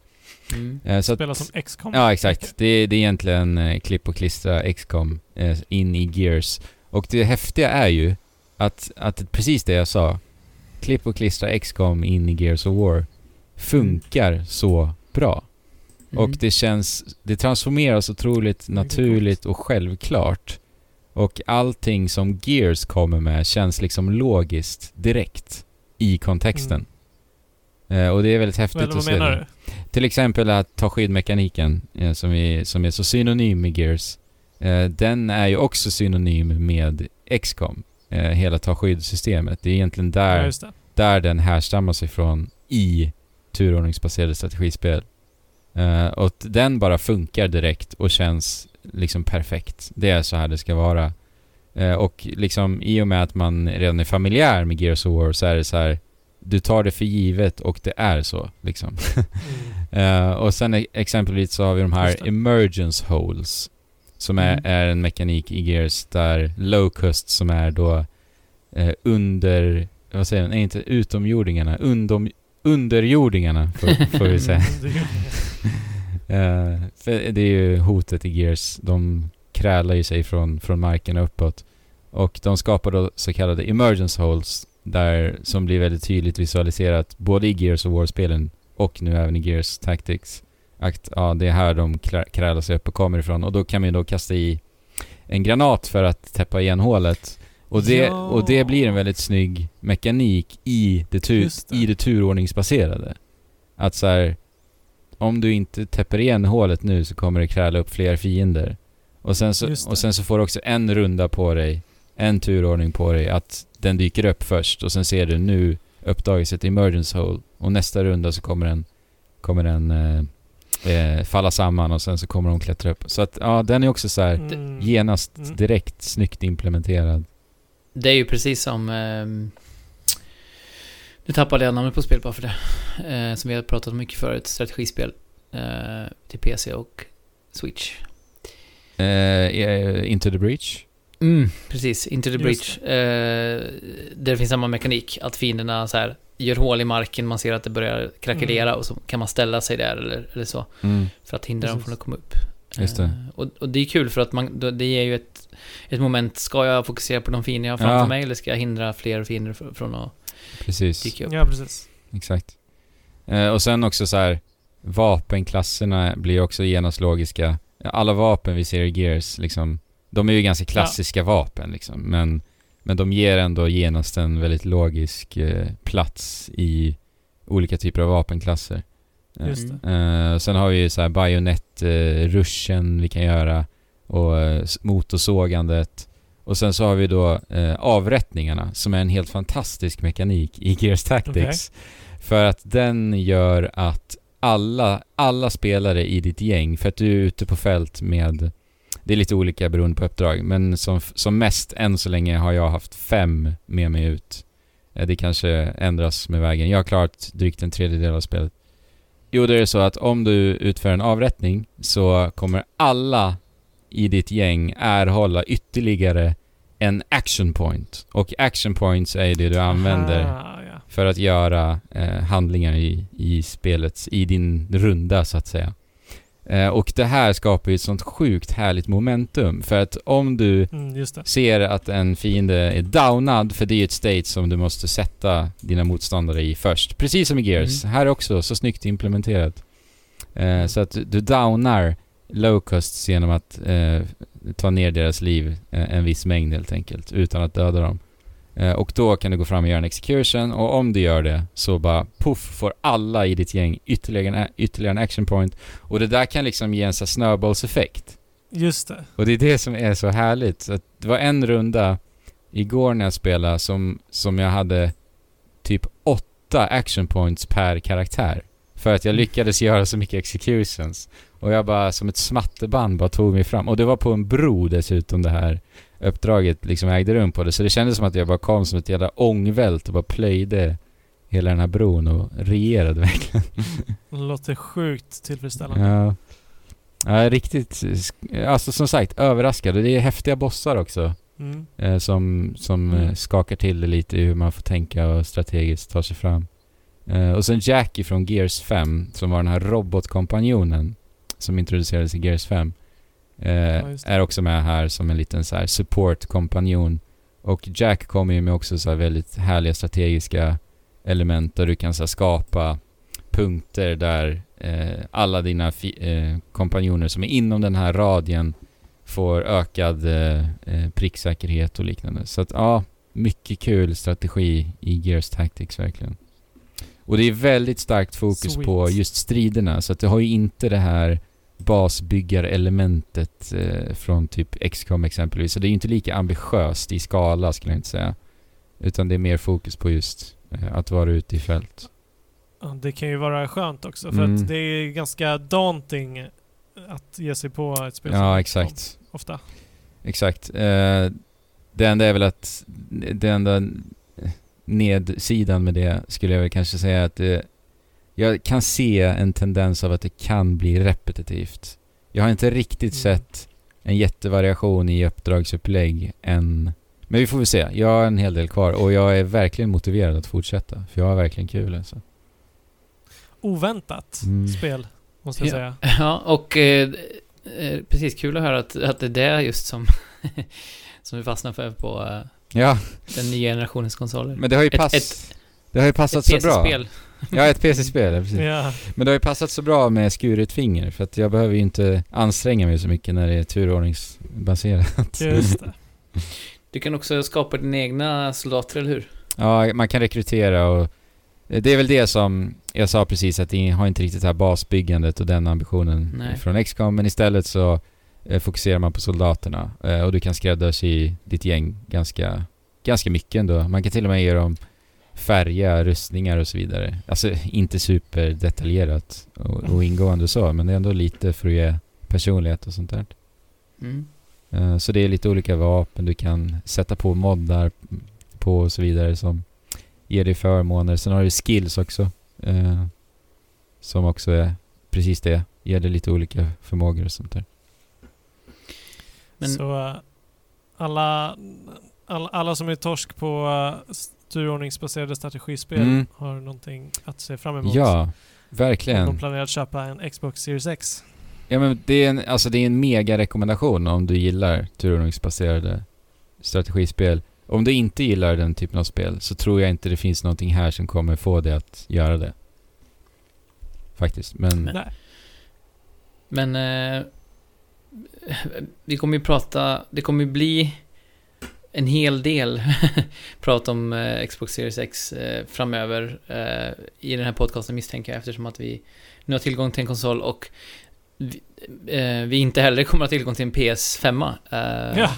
Så Mm. Precis. det, det är väl så det blir helt enkelt framöver nu ett tag. ja, Eh, ja men verkligen. att det, Men Det det är, ändå, komma- det är ändå härligt så här, för jag var inte beredd på att, att eh, få en nästa generations konsol till Trekraften det här året egentligen. Så det var ju en överraskning att vi Mm. fick den här möjligheten. Så det var Precis. väldigt kul. Mm. Eh, och sen, Eh. jag tänker också bara så här lite snabbt, jag vill ändå nämna det här Quick Resume lite mer ingående. Precis, vi har inte pratat om uh, UIT och känslan i, eh, i menyerna. i hur det känns i Menyerna. menyerna och så. Nej. Eh, det känns ju för mig... ah, det var så länge sedan jag spelade Xbox One alltså. Ehm, men det känns ju... Menyn alltså, huvudmenyn och gränssnittet. Det känns ju som Xbox One. Men man märker ju att de har ändå förfinat det lite. Det känns lite mera logiskt. Du kan skräddarsy och, och personi, pe- personifiera, säger man så? eh, Mhm. ditt eh, gränssnitt lite också. Så att jag har typ tagit bort allting förutom Game Pass Microsoft Store. Ja, det är typ de två grejerna jag har på mitt UI. Mhm. Så det är ändå rätt skönt faktiskt att man kan, Mm. kan eh, bestämma själv vad man vill eh, ska visas. Eh, Sen så har man ju så här mina spel lättillgängligt på första skärmen också. Sen högst upp, det som syns mest tydligast, tydligast är eh, dina senaste aktiviteter. Eh, vilka spel du har Mm. spelat senast, eh, vilka appar du har varit inne i senast och sådär. Och så har du snabbåtkomst om du håller in Xbox-knappen. Har du inte så? Mm, precis. Då kommer du till den här lilla guide-varianten. Eh, men den verkar rätt snarlik faktiskt. Så som den såg ut i, Mm. på Xbox One. Eh, men det är också där, Åh. det är därifrån du kommer åt Quick Resume. Antingen, alltså jag menar då om du är inne i ett spel. Då kan du bara trycka upp Xbox-knappen. Och då ser du en lista på dina senaste aktiviteter. Eh, och Mm. där kan du hoppa in i andra spel då. Är det screenshots ifrån det du är i spelet eller är det bara en text som talar om vilket spel det är eller? Det är, eh, tänk dig såhär switch-ikoner liksom. Det är ikon på spelet, sen står det en text, vilket spel. Ja, just det. Så det är inte en screenshot från där du precis befann dig i spelet? Nej. Som du sen, sen hoppar in i liksom? Nej, det hade ju varit, det hade varit coolt. ja, men berätta vad Quick Resume är då. Ja men det är helt enkelt det. Eh, att du skiftar spel eh, och sen så hoppar du in precis därifrån där du var. Men att det inte är en bild då på exakt där du var. Utan du hoppar Det, och in. det är den stora besvikelsen. Det är den stora besvikelsen. så säg att eh, jag sitter och eh, gör min trädgård fin i Viva Piñata. Mm. Eh, så kan jag helt enkelt trycka upp Xbox-knappen och sen ser jag min lista på mina senast spelade spel och jag är sugen Mhm. på att, att avrätta low-costs i Gears Tactics. Ja, men då trycker jag på Gears Tactics och sen så är det då en väldigt, väldigt kort laddningstid i relation till hur otroligt mycket längre tid det skulle ta annars att stänga ner Viva Ja. Piñata, att starta upp Gears Tactics och vänta på alla splash screens, ladda sin Ja. sparfil, ja men ni vet. Så går det jättesnabbt, verkligen. Det, jag skulle säga runt 10 sekunder eh, i snitt. Men det är ju så, det är ju som att du sätter, sätter din P- PS4 i, i sömnläge. Ja. Eh, Och det och kan... sen så går du tillbaka till ett spel. Fast du gör det med olika spel och det är mer dynamiskt liksom. Ja. Precis. Och användbart. Och det är väl även så att om du stänger av konsolen så kan du quick resuma från den punkten. Att den resetar inte ens då, utan den... Ja. Fantastiskt. Precis. Jag kom till en boss i Gears Tactics igår sent och sen insåg jag, nej, jag behöver gå och lägga mig. Och sen eh, Mm. i morse innan jag, innan jag började jobba så startade jag upp det igen och var precis där jag slutade. Det är fantastiskt. Det är fantastiskt. Och dessutom, när du spelar spel som Viva Piñata och Gears Tactics, Mm. eh, sådana spel som, som är lite långdragna liksom, och långsamma. Mm. Eh, att bara ha den friheten att kunna Exakt. byta, in, inte, bara, in, inte bara pausa spelet och göra annat, utan byta spel också. Ja. Och Nintendo, alltså Switch gör ju redan det här fantastiskt bra med quick resume på ett spel. Eh, men det här är liksom en ny dimension där man kan ha, alltså till exempel då, Nils kan spela Fortnite, ja ah, det var ett dåligt exempel. Nils kan spela, jag vet inte, något storydrivet spel. Och jag, när jag tar över hon- honom, efter honom på kvällen så kan jag bara så här hoppa tillbaka in i min, mitt äventyr liksom. Utan Ja. och, och då har han kvar sitt också liksom, så man behöver inte... Ja. Precis. Ja, det är underbart alltså. Och framförallt Ja, det- tänker jag, ju- just, just det du säger Fabian, att ha möjligheten. Och det är den jag tror att, att jag tror att jag kommer märka det ju mer jag använder mig av Quick Resume. Hur, hur mycket jag faktiskt eh, uppskattar det. Eh, för Mm. det känns som en sån sak där på, man på förhand kan tänka lite så här, ja ja. Men sen är det Ja, gimmickartat Ja, liksom. men sen är det faktiskt...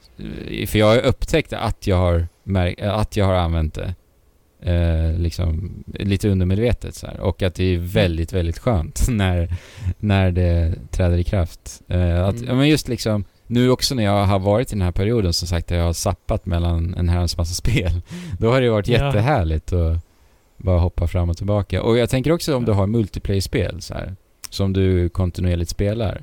Säg att eh, jag sitter och spelar Eh, ja, vi, min trädgård den behöver bli fin alltså. Jag sitter och, och gör min trädgård fin i Via Piñata och sen så ser jag att Mm. Jesper kommer online. Och Jesper Mm. är skitsugen på att spela Killer Queen Black med mig. Mm. Och då, Ja. då, om jag har det spelet i Quick Resume då, då går det ju ultra snabbt för oss att bara eh, hoppa in i en session. Så att jag menar, Mm. det finns ju många spel, multiplayer-spel är ju liksom det största vi har idag i spelvärlden förstås. Och att ha quick resume eh, förmåga, eller funktionen med multiplayer-spel kombinerat tror jag Mm. kommer vara riktigt, riktigt göttigt faktiskt. Mm. Ja. Och verkligen, verkligen som Jesper sa, när, man har, när det är flera, Ja, flera personer familjen. som spelar olika spel. Verkligen. Verkligen. Men eh, har, vi pratat om menyerna lite, men har själva UIT och så någon personlighet och, och så? Alltså 360 var ju väldigt bra på det och sen blev liksom eh, eh, One väldigt, eh, s- ja, ut, utslätat liksom. Inte så Mm. mycket personlighet i det. Jo. Ja, jag har grottat mycket i de här inställningarna och jag får svara nej på den frågan. Eh, Det finns typ ett nytt tema som är så lite dynamiskt, eh, där det rör på sig lite snyggt i bakgrunden. Det ser ju fint ut, men det är det som finns egentligen. I och för sig, när jag tänker på det nu, så kanske det finns lite teman att, att ladda hem i, i liksom Xbox-butik, eller Microsoft-butiken, jag vet faktiskt inte. Men annars är det ju väldigt lite. Det är ju mest så här, du vet, highlightade färgen när du eh, hovrar eller svävar över eh, ikoner och sånt där. Kan du typ Mm. skräddarsy lite, men Det är inte din Men- avatar som har på sig en eh, kötthatt och eh, trix, trixar med en fotboll samtidigt som det var på 360 till exempel. exakt, inte så. Nej. Men jag har också bara när jag så här tänker, tänker i mitt huvud och jämför liksom den här Windows 8-gränssnittet som var väldigt, väldigt platt, att det Mm. ändå är en uppgradering från Ja. det. Det är lite mer, det är lite snyggare liksom outlines och det är lite snyggare placeringar och så vidare. Ja men det håller jag med om. Eh, UX-mässigt eh, så tycker jag att det känns bättre. Det känns lite mer logiskt så som de har upplägget nu att... För förut hade ni de, du vet... Blades-systemet ni vet på Xbox 360 i sin Mm. enkelhet var ju fantastiskt tyckte jag ändå. Mm. Men det- känns som att vid Xbox One-tiden där någonstans så ville de nästan föra in det igen. För att då använde de ju att man kunde gå och sappa mellan höger och vänster till olika eh, stora, större kategorier. Men det är helt borta nu, vilket jag tycker är en Mm. förbättring. För att jag tycker att menyer kan lätt bli förvirrat när du både ska gå horisontellt och vertikalt upp och ner och sånt där. Mm. Så nu har de istället eh, bara fokus på upp och ner och sen är det större kategorier eh, upp och ner och jag tycker det känns bättre alltså, Mm. faktiskt. Och som du säger Fabian, det är lite, lite snyggare allting. Ja, Lite nej, men jag, tydligare. jag tycker just eh, känslan av hem... Hemskärm är viktig för att jag har ju på Mm. min eh, PS4 har jag ju det här um, Tetris Effect-temat som är Mm. dynamiskt och supergött liksom. Och det har ju blivit så här. Det är ju vår, det är så PS4 är för oss liksom. Ja, men och, precis. Eh, och liksom så här, vi startar den och det blir nästan som så här. Mm. Det blir nästan som en occasion för familjen, alltså för barn att kolla, ja Mm. men delfinerna som simmar i bakgrunden, den här härliga musiken och det är så här, det ger rätt mycket, det kanske Ja. låter lite banalt, men det ger rätt mycket för känslan av att använda, så, så det blir liksom en del av ens hem om man ska vara lite, eh, om man ska vara Nej lite, men eh, verkligen. Jag håller med. Det är ju som med bakgrundsbilder på, på datorn och sånt vi, så vidare också. Mm. Ja. Ehm, sen så här bara eh, med min tid med Xbox Series X nu så har jag faktiskt upplevt en del krascher. Eh, och det här är väl också lite sånt som, som vi får vänta och se. Jag vet ju som sagt att det kommer en dag ett patch eh, som säkert kommer lösa den här typen av krascher. Och de har varit Mm. lite relaterade till Quick Resume bland annat. Att eh, Okej. eh, konsolen bara fryser sig vid Quick Resume-användande och sen så kraschar, kraschar och eh, en gång så hände det dessutom att när det kraschade vid Quick Resume-användande så kunde jag inte synka kontrollen helt plötsligt. Och då var jag tvungen att, att Mm. dra ut kablarna på Series X, stoppa in igen och, och starta upp det så. Och då kunde jag återsynka kontrollen. För det gick inte att bara stänga av den och sen sätta på och testa synka om av någon anledning. Teknik, ni vet. Mm. Men ja, det, vi får väl se. Eh, Det är inga så här jättestörande problem, men det var bara lite noterbart ändå. Eh, ja. Jag känner mig rätt tömd alltså. Mm. Ja, men den, den slutgiltiga frågan då. Hur snabbt går det att starta den från noll tills du kommer in i ett spel? Eh, alltså det, jag hinner ju knappt blinka Fabian. Nej men till spel. ehm,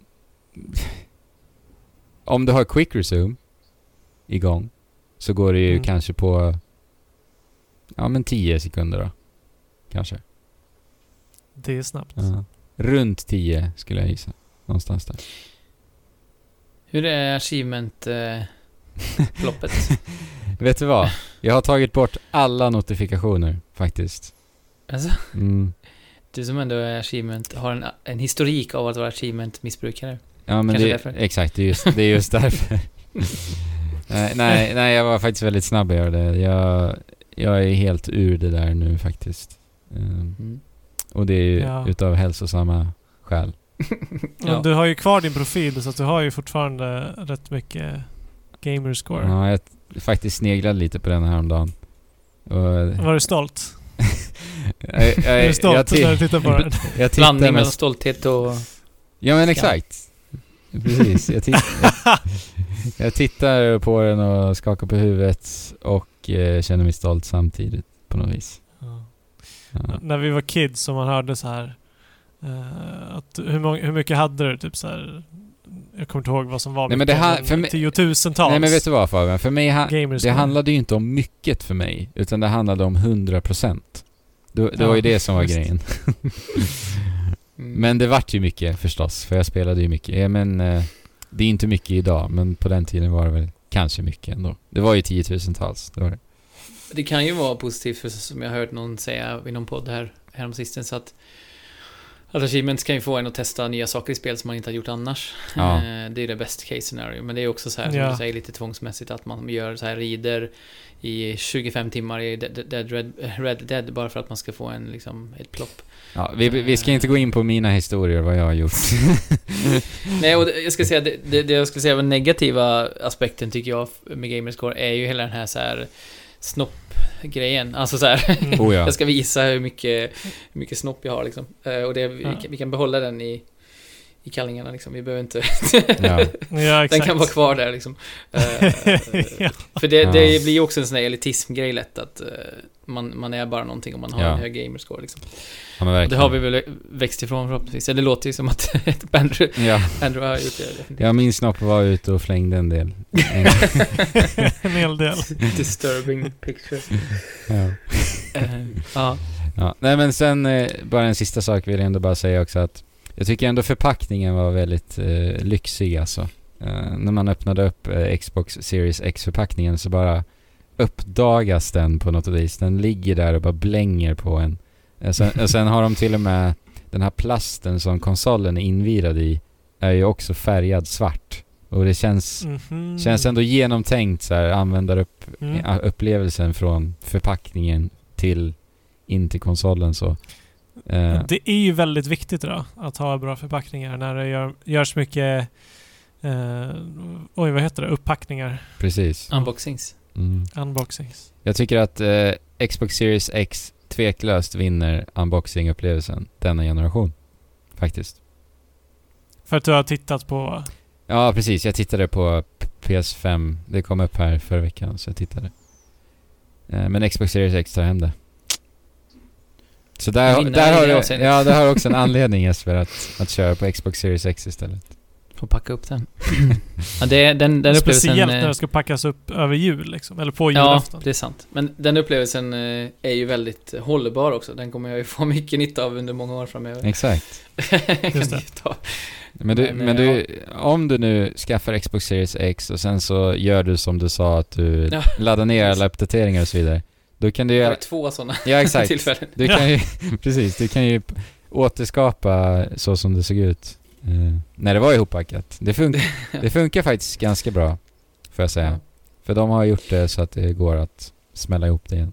Ja, men jag har ju packat upp några Macbook eh, Air-datorer i min dag för att jag har fått det i jobbet några gånger. Eh, och det är ju också samma sak, den här härliga känslan av att det bara är som en... Eh, man öppnar upp en... Eh, som Indiana Jones som öppnar upp en skattkista Exakt, eller något som man har exakt. fått och så bara liksom lyser det ut det här skenet ifrån den. Det är verkligen, Lyfter man det. verkligen den känslan. Med Series X. Ja, men vi ska prata mer grejer också. Vi har såklart eh, eh, värt att stanna upp länge vid nya generationskonsoler. Men vi kanske återkommer eh, till den i nästa avsnitt förmodligen och därefter med när spelen börjar droppa in allt mer. Mhm. Exakt. Det är definitivt på Series X jag kommer vilja uppleva Cyberpunk faktiskt. Mm. Kommer det bli. Ja, det är ju passande. Mm. Och då kommer du få spela denna generations version då. Eh, Ja, det är väl det. Fast, fast, fast med eh, stöd för HD, HD, HDR. Och optimering och 4K, ja precis. Mm. Så att det kommer ändå vara Ja. en fin upplevelse förmodligen. Ja. Då kan du se svetten ifrån eh, de stackars arbetarna rinna längs med sidorna på, på spelet eh, för att du har så hög upplösning. Men just det, i, Ja. i utkanterna vid tvn, i TV, TV så är det svett. Ja, min Eh. dator klarar ju nätt och jämnt av det spelet. Så att Mm. vi får se om, om, om jag ens kan spela överhuvudtaget. Jag har ju farit med osanning där Fabian. Du frågade ju mig på, i vår chatt där om, om min dator klarade av det. Eh, Ja. Men, och det gör den ju fortfarande. Men jag, jag, jag överskattade mitt grafikkort lite grann. Eh, för jag sa att jag, Jag, hade... fattade inte vad du svarade. så att, så Jag, att, jag svarade att jag hade ett... Eh, att jag hade 1080 sa jag va? Två 1080 sa du väl? Ja, precis. Det är två stycken Ah, okej. grafikkort, men det är två 970. Ah, ah, okej. Eh, men det är fortfarande som att, det ska räcka liksom. Det, det ska... varför har du två? Jag vet inte. det, Kuda... det sitter Jo två. men eller... Galet. Så, ja, jag vet inte. Det, det är en, en dator som är från, från Inet från början som är, är så. Ja. Den heter typ Overkill eller någonting sånt där. Så det kanske, det kanske är en, eh, ett tecken på det. Det är ju en... eh, Jag kollar på, på den här nu då. Det är eh, eh, Core i7 eh, processor. Mm. 60, sex- 6700K vad nu det innebär. Jag kan ju ingenting Mm. om datorer överhuvudtaget men... eh, mm, 16 gig ram. Nice. Min uh, minimi-grafikkortet är ju alltså 780. GTX 780. Mm. Eh, och det är det jag har. Så att... Mm. Ja, jag har, all, jag har aldrig spelat på... Eller jag, jag kommer inte ihåg sist jag spelade på mini-specs liksom. Går det ens? Det är ju under rekommenderade specs. Så...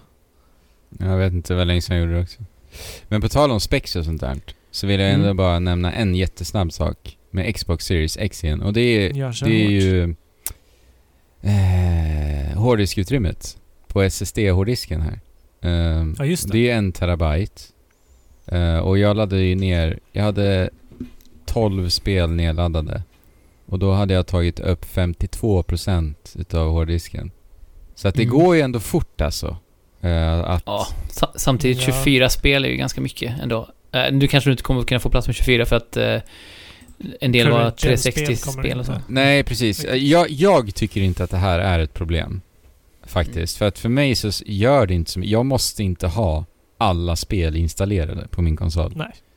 Eh, och varför man vill Det ha det vet jag inte egentligen. Nej, det är Men- sällan du spelar Ja. mer än en handfull spel åt gången ändå Exakt. liksom. Så för mig är det absolut inte något problem överhuvudtaget. Men jag vill ändå bara nämna att, att uh, hårddisken, ja det finns en begränsning alltså. Och det, det, det tickar på. Eh, men ja, det är inget problem tycker inte jag. Nej, sen, Det får vi ju se liksom hur det kommer utveckla sig. Det kommer ju, tro, det kommer ju troligen kunna ha liksom fem spel Oh ja. åt gången. Jag såg, nu, jag såg nu att så här, Call of Duty Black Ops Cold War är väl det fullständiga namnet. Ingen aning. Eh, eh, ligger på 136 till Series X. Det är ju en hel del, men ja. Mm. men det går ju att avinstallera delar också nu. Exakt. Det går ju att ta bort multiplayer, eller ja, single player eller om du ska spela multiplayer eller vice versa. Mm. Mm. Men eh, superoptimerad konsol har vi diskuterat ett tag nu. Nu går vi tillbaka till ett spel som är, i grunden är sju år gammalt. Eh, Just det. Alltså den här versionen är inte sju år gammalt.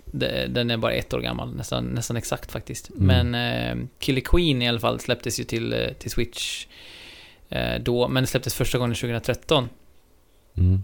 Eh, Killer då- Queen Black.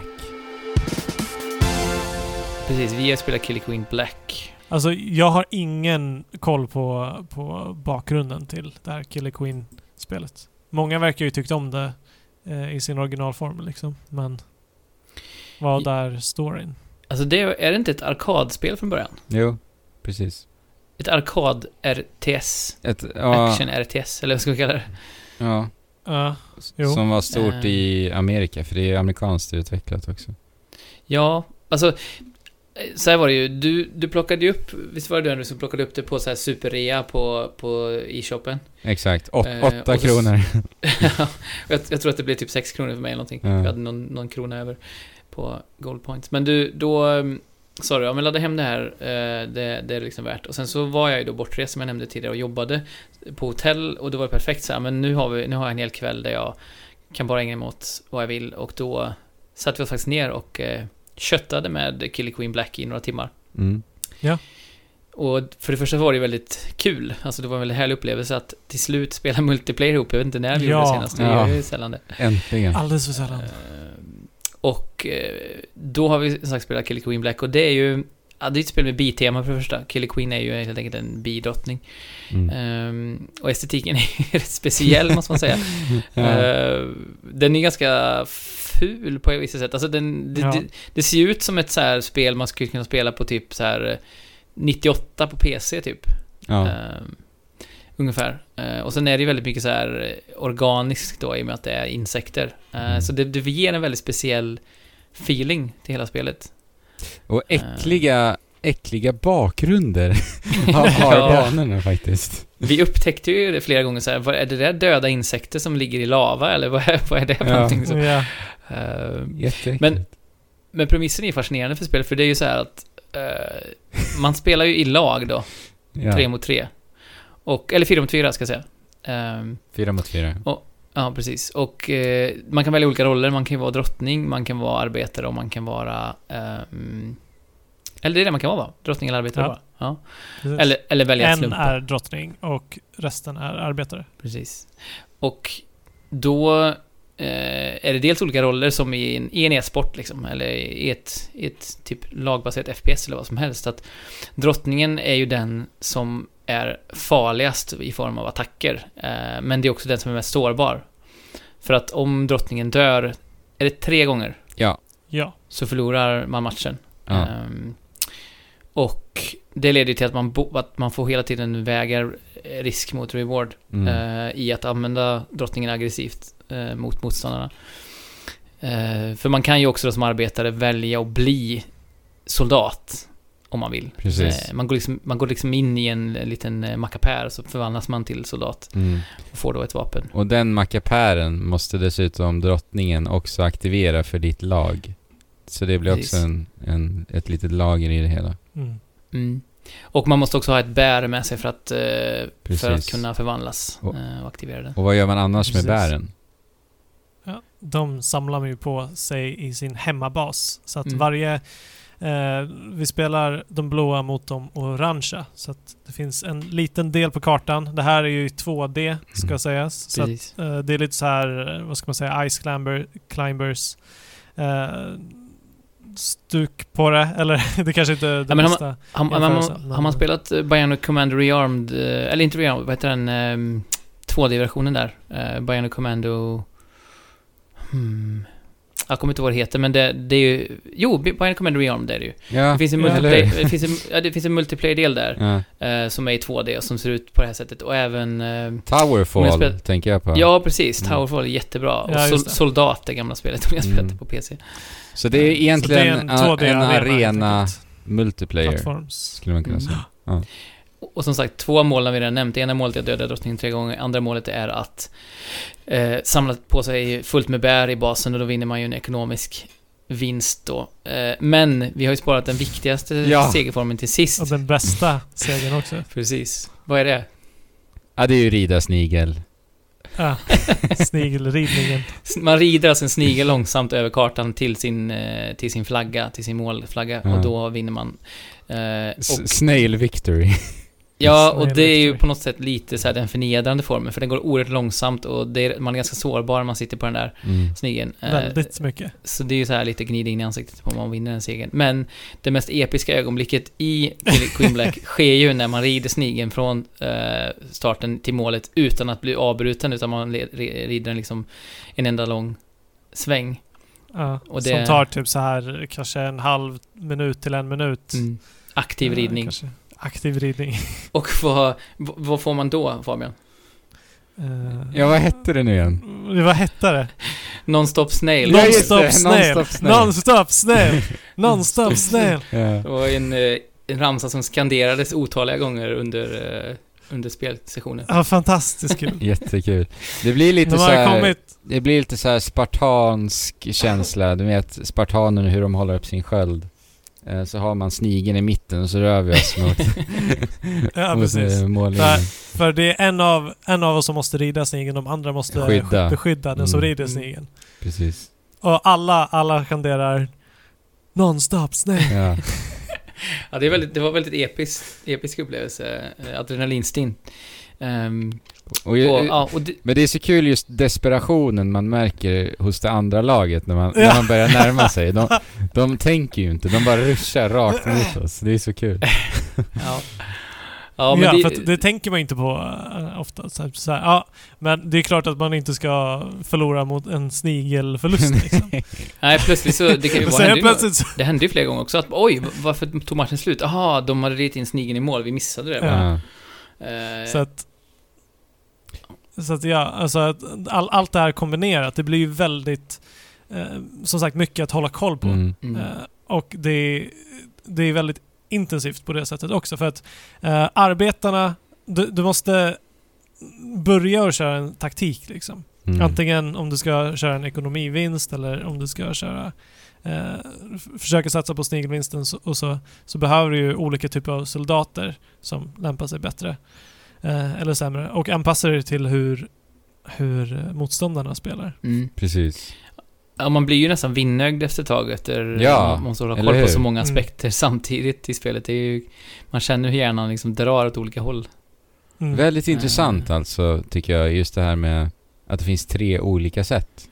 Ja, har, vi, har man Verkligen. sett det i den här typen förut alltså? Nej, alltså det finns ju i, i strategispel som, Ja, som Civ och så, ja. eh, de här, men det, då är det ju väldigt långsiktigt. Här är det ju eh, instant, som sagt. Det är ju Ja, exakt. action RTS. Ja, men precis. Ja, Så det, det, som du säger, själva upplägget är ju, jag skulle säga unikt. Jag vet inte om man har sett något liknande förut. Nej. Eller har testat något liknande. Nej, jag har nog Nej, inte kan testat något liknande alltså.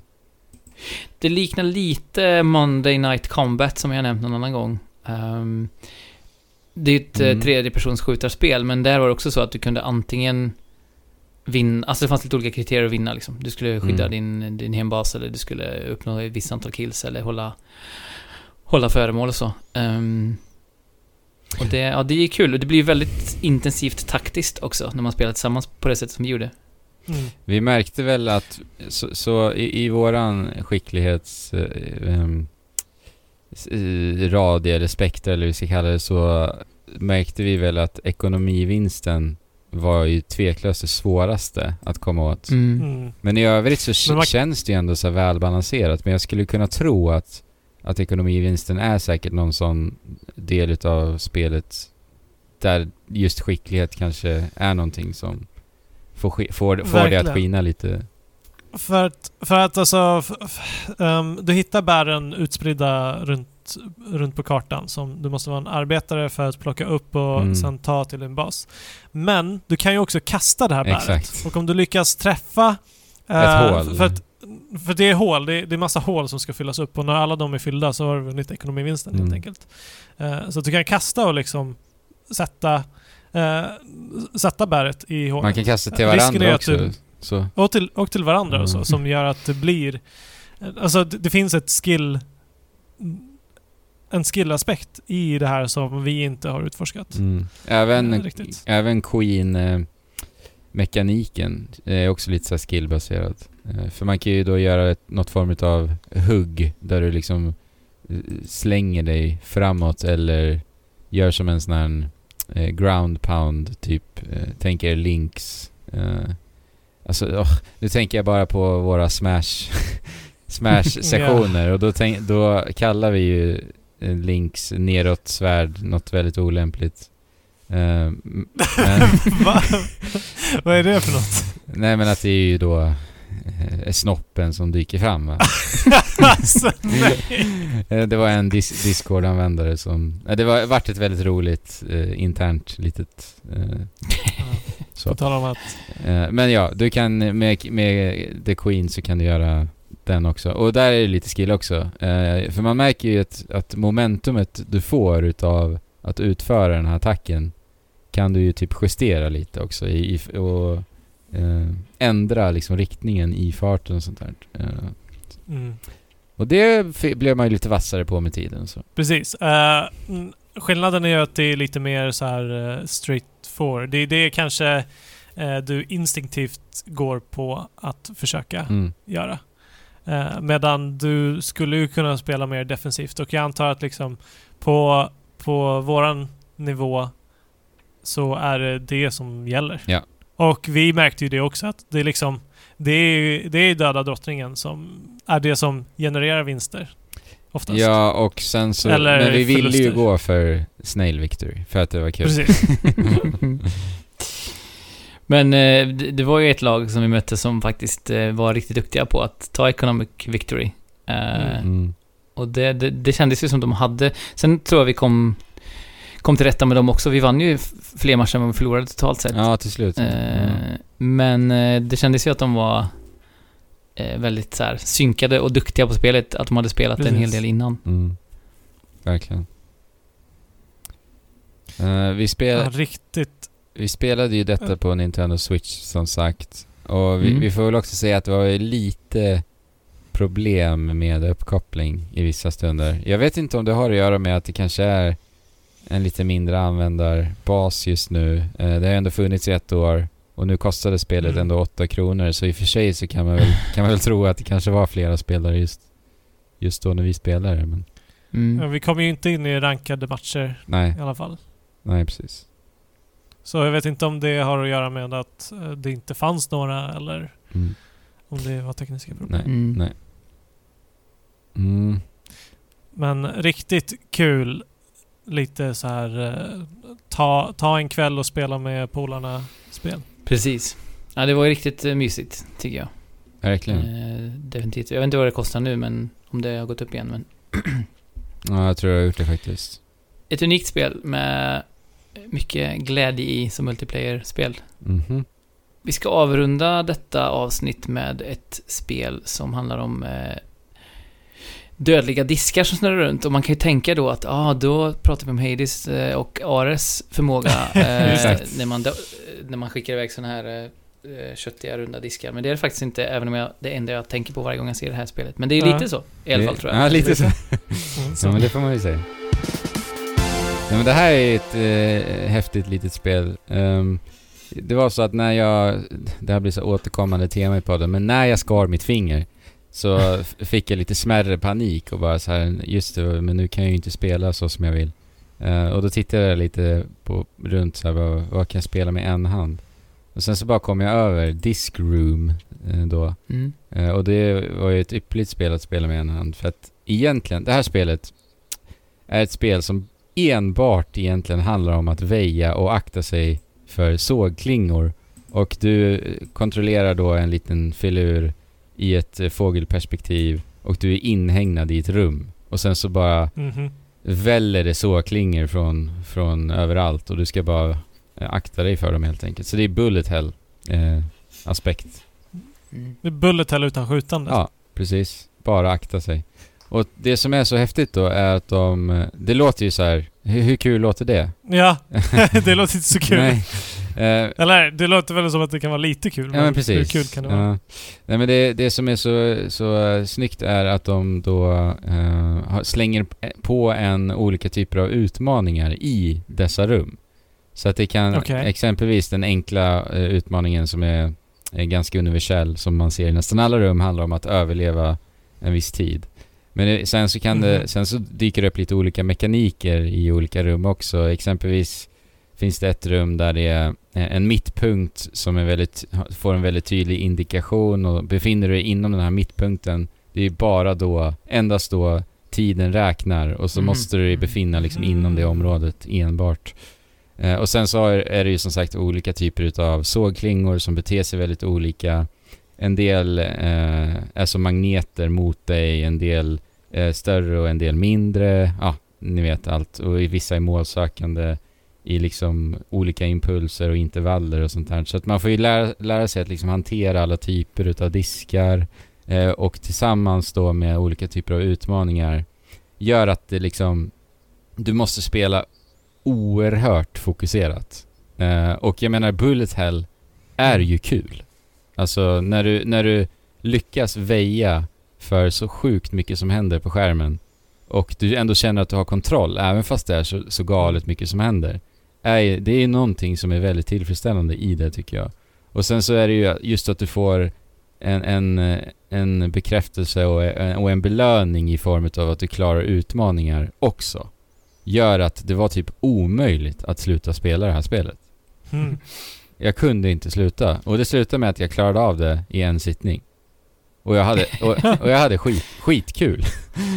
Ja, det kan ju vara en av de bästa betygen som man kan få. Och Ja, jag kan tänka mig att så här, eftersom att du inte skjuter eller ska... Precis. Att det kommer fiender och s- s- grejer så eh, kan du mycket mer fokusera på just Ja. liksom bullet hell-aspekten som gör att det blir lite mer lättillgängligt. verkligen. Och det, ja men verkligen. Och det är så rakt på sak.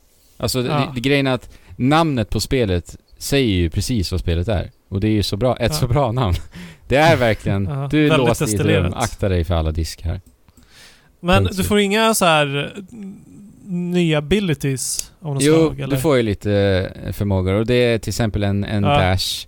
Eh, Och den här dashen eh, kan du dessutom, eller är du dessutom osynlig i. Så att du kan eh, Okej. liksom eh, och invincible? ja, hoppa igenom eh, diskar. Och sen så har du vissa, Mm. en som slör ner tiden. Eh, exempelvis en som du kan absorbera en disk. Eh, och så vidare. Så det finns lite olika förmågor också.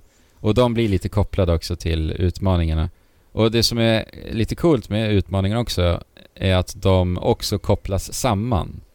Så att exempelvis kan det finnas utmaningar där du ska klara det här rummet, det här rummet, det här rummet utan att dö.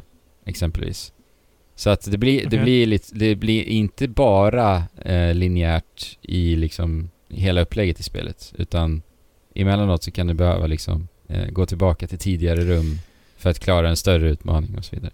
Men vänta, hur, hur funkar det? Alltså hur, hur är eh, kronologin? Ja, nej men alla, Eller alla banor är liksom sammankopplade. Så att du, eh, när du klarar av en bana så kan du fritt, eh, eller när du dör, så kan du fritt välja rum. Och du ser det som en liten världskarta typ, eller en meny egentligen. Eh, Så ser du liksom hur alla rum är kopplade samman. Eh, Och så, Men, och du kan gå till vilken du vill när som när, helst? när du har låst upp dem. Så du, du börjar ju Okej. eh, i ett rum, sen tar du dig vidare. Och vissa rum kan låsa upp eh, fler än en väg. Eh, en, till ytterligare rum helt enkelt. Okej. Nej men jag hade verkligen kul med det här spelet. Det är, det är ett litet, eh, charmigt litet spel eh, som eh, bara är så här väldigt eh, eh, rakt på sak. Eh, ändå en rekommendation om du bara vill ha något litet trevligt spel Hur- att spela. Hur svårt är det överlag, skulle du säga, liksom, som sammanfattning? Mm. Alltså det är, det är rätt svårt emellanåt, får jag väl säga. Men det är också det som gör det kul. Och just att det är så... Det är så kvickt. Eh, att dör du så är det bara pang på igen. Men det är väl lite så här Nice. Frågan svårt också, så här, det som vi pratade om i Celeste. Alltså du... Du blir ju mer och mer skicklig på det. Du lär dig mer hur, hur du ska ta dig an utmaningen. Men du kommer dö Du kommer många gånger. definitivt dö många gånger. och det är en del av spelet. Det är en del av spelet. Verkar det som. Precis. Eh, Ändå en eh, varm rekommendation alltså. Jag spelade det på Switch. Mhm. Det finns också till PC. Bam. Disc Room. Mm. Diskrum och exlådor. Och, och skurna fingrar. Det är, här avsnittet av Trekraften innehåller väldigt mycket, men nu innehåller det inte så mycket mer efter denna punkt. Eh, faktiskt. Utan nu är vi klara. Ni får, ehm, för den här, det här avsnittet, ni får gå med i vår Discord. Som sagt, det diskuteras det. Och nu är det väl liksom bättre tid än någonsin att gå med, med tanke på att eh, nya konsolerna är på G och eh, eh, det kommer också ett nytt Zelda-spel snart, hörni. Det är sjukt. det, eller när du sa det Ja, så, det är så faktiskt sjukt. kändes det. Ja. Du ska vara mer Zelda än Dynasty Warriors, säger de. Mm. Hyrule Warriors, så det kommer ju säkerligen bli en, eh, en bubblande diskussion kring det. Så som sagt, Mhm. det har aldrig varit en bättre tid än nu att gå med i vår Discord. Och dessutom, på Discord så, kan, så har du ju möjligheten att direkt fråga Andrew frågor som då är en ägare av en Xbox Series X. Precis. Mm. Jag ställde en fråga i, på Discord en dag. Hallå! Eh, om ni har frågor gällande Xbox Series X, ställ dem gärna. Så kan jag svara på dem i podden. Inget, ingen fråga. Ingen fråga, allt är glasklart. Men det, det tyder väl lite på Ja. kanske hur peppad våran Discord är på Xbox Series X. Så, om vi har någon där ute som är peppad på Xbox Series X tillsammans med mig för att jag gillar Xbox Series X. eh, Jo, men så om inte vi- annat så kommer ju troligen eh, communityt på Discord att bli mer peppade efter att de har lyssnat på det här avsnittet. Ja men exakt. Och ehm, nästa avsnitt så hoppas vi att vi kan prata om eh, spelet som kombinerar mat och djur. Ja! Jag vill Bugsnacks. så mycket spela Ja, Bugsnax. just det. Jag faktiskt, eh, ja, jag hoppas det också. Det ska bli kul att... Ja, jag vill ju spela det också, men det får vi vänta för mig. Jag har ingen Playstation. Men det släpps ju till Nej, PC. men- Spela på ja, PC. just det. Nice. Gött. Bra. Kul. Ja. Alla kan spela Bugsnacks. Ja. Ja, och innan dess, innan ni får era vantar på Bugsnack så kan ni ju gå till Spotify eller YouTube och knappa in Kero Kero Bonito så får ni in eh, feelingen och så laddar ni upp Alltså. eh, inför det och lyssnar på ljuvlig musik. Jag trodde du skulle säga och sen så laddar ni upp en video när ni, när ni dansar. ja, gör det. Det är obligatoriskt för att få, för att få lyssna på nästa avsnitt eh, av Trekraften, att ni har laddat upp ett sånt här Jajamän, avsnitt. för att Vi kommer det ska vi göra. Ja, vi kommer kontrollera detta noggrant. Mm. Eh, men tills dess hörni, så får ni spela på och eh, chip. Shula. Hopp.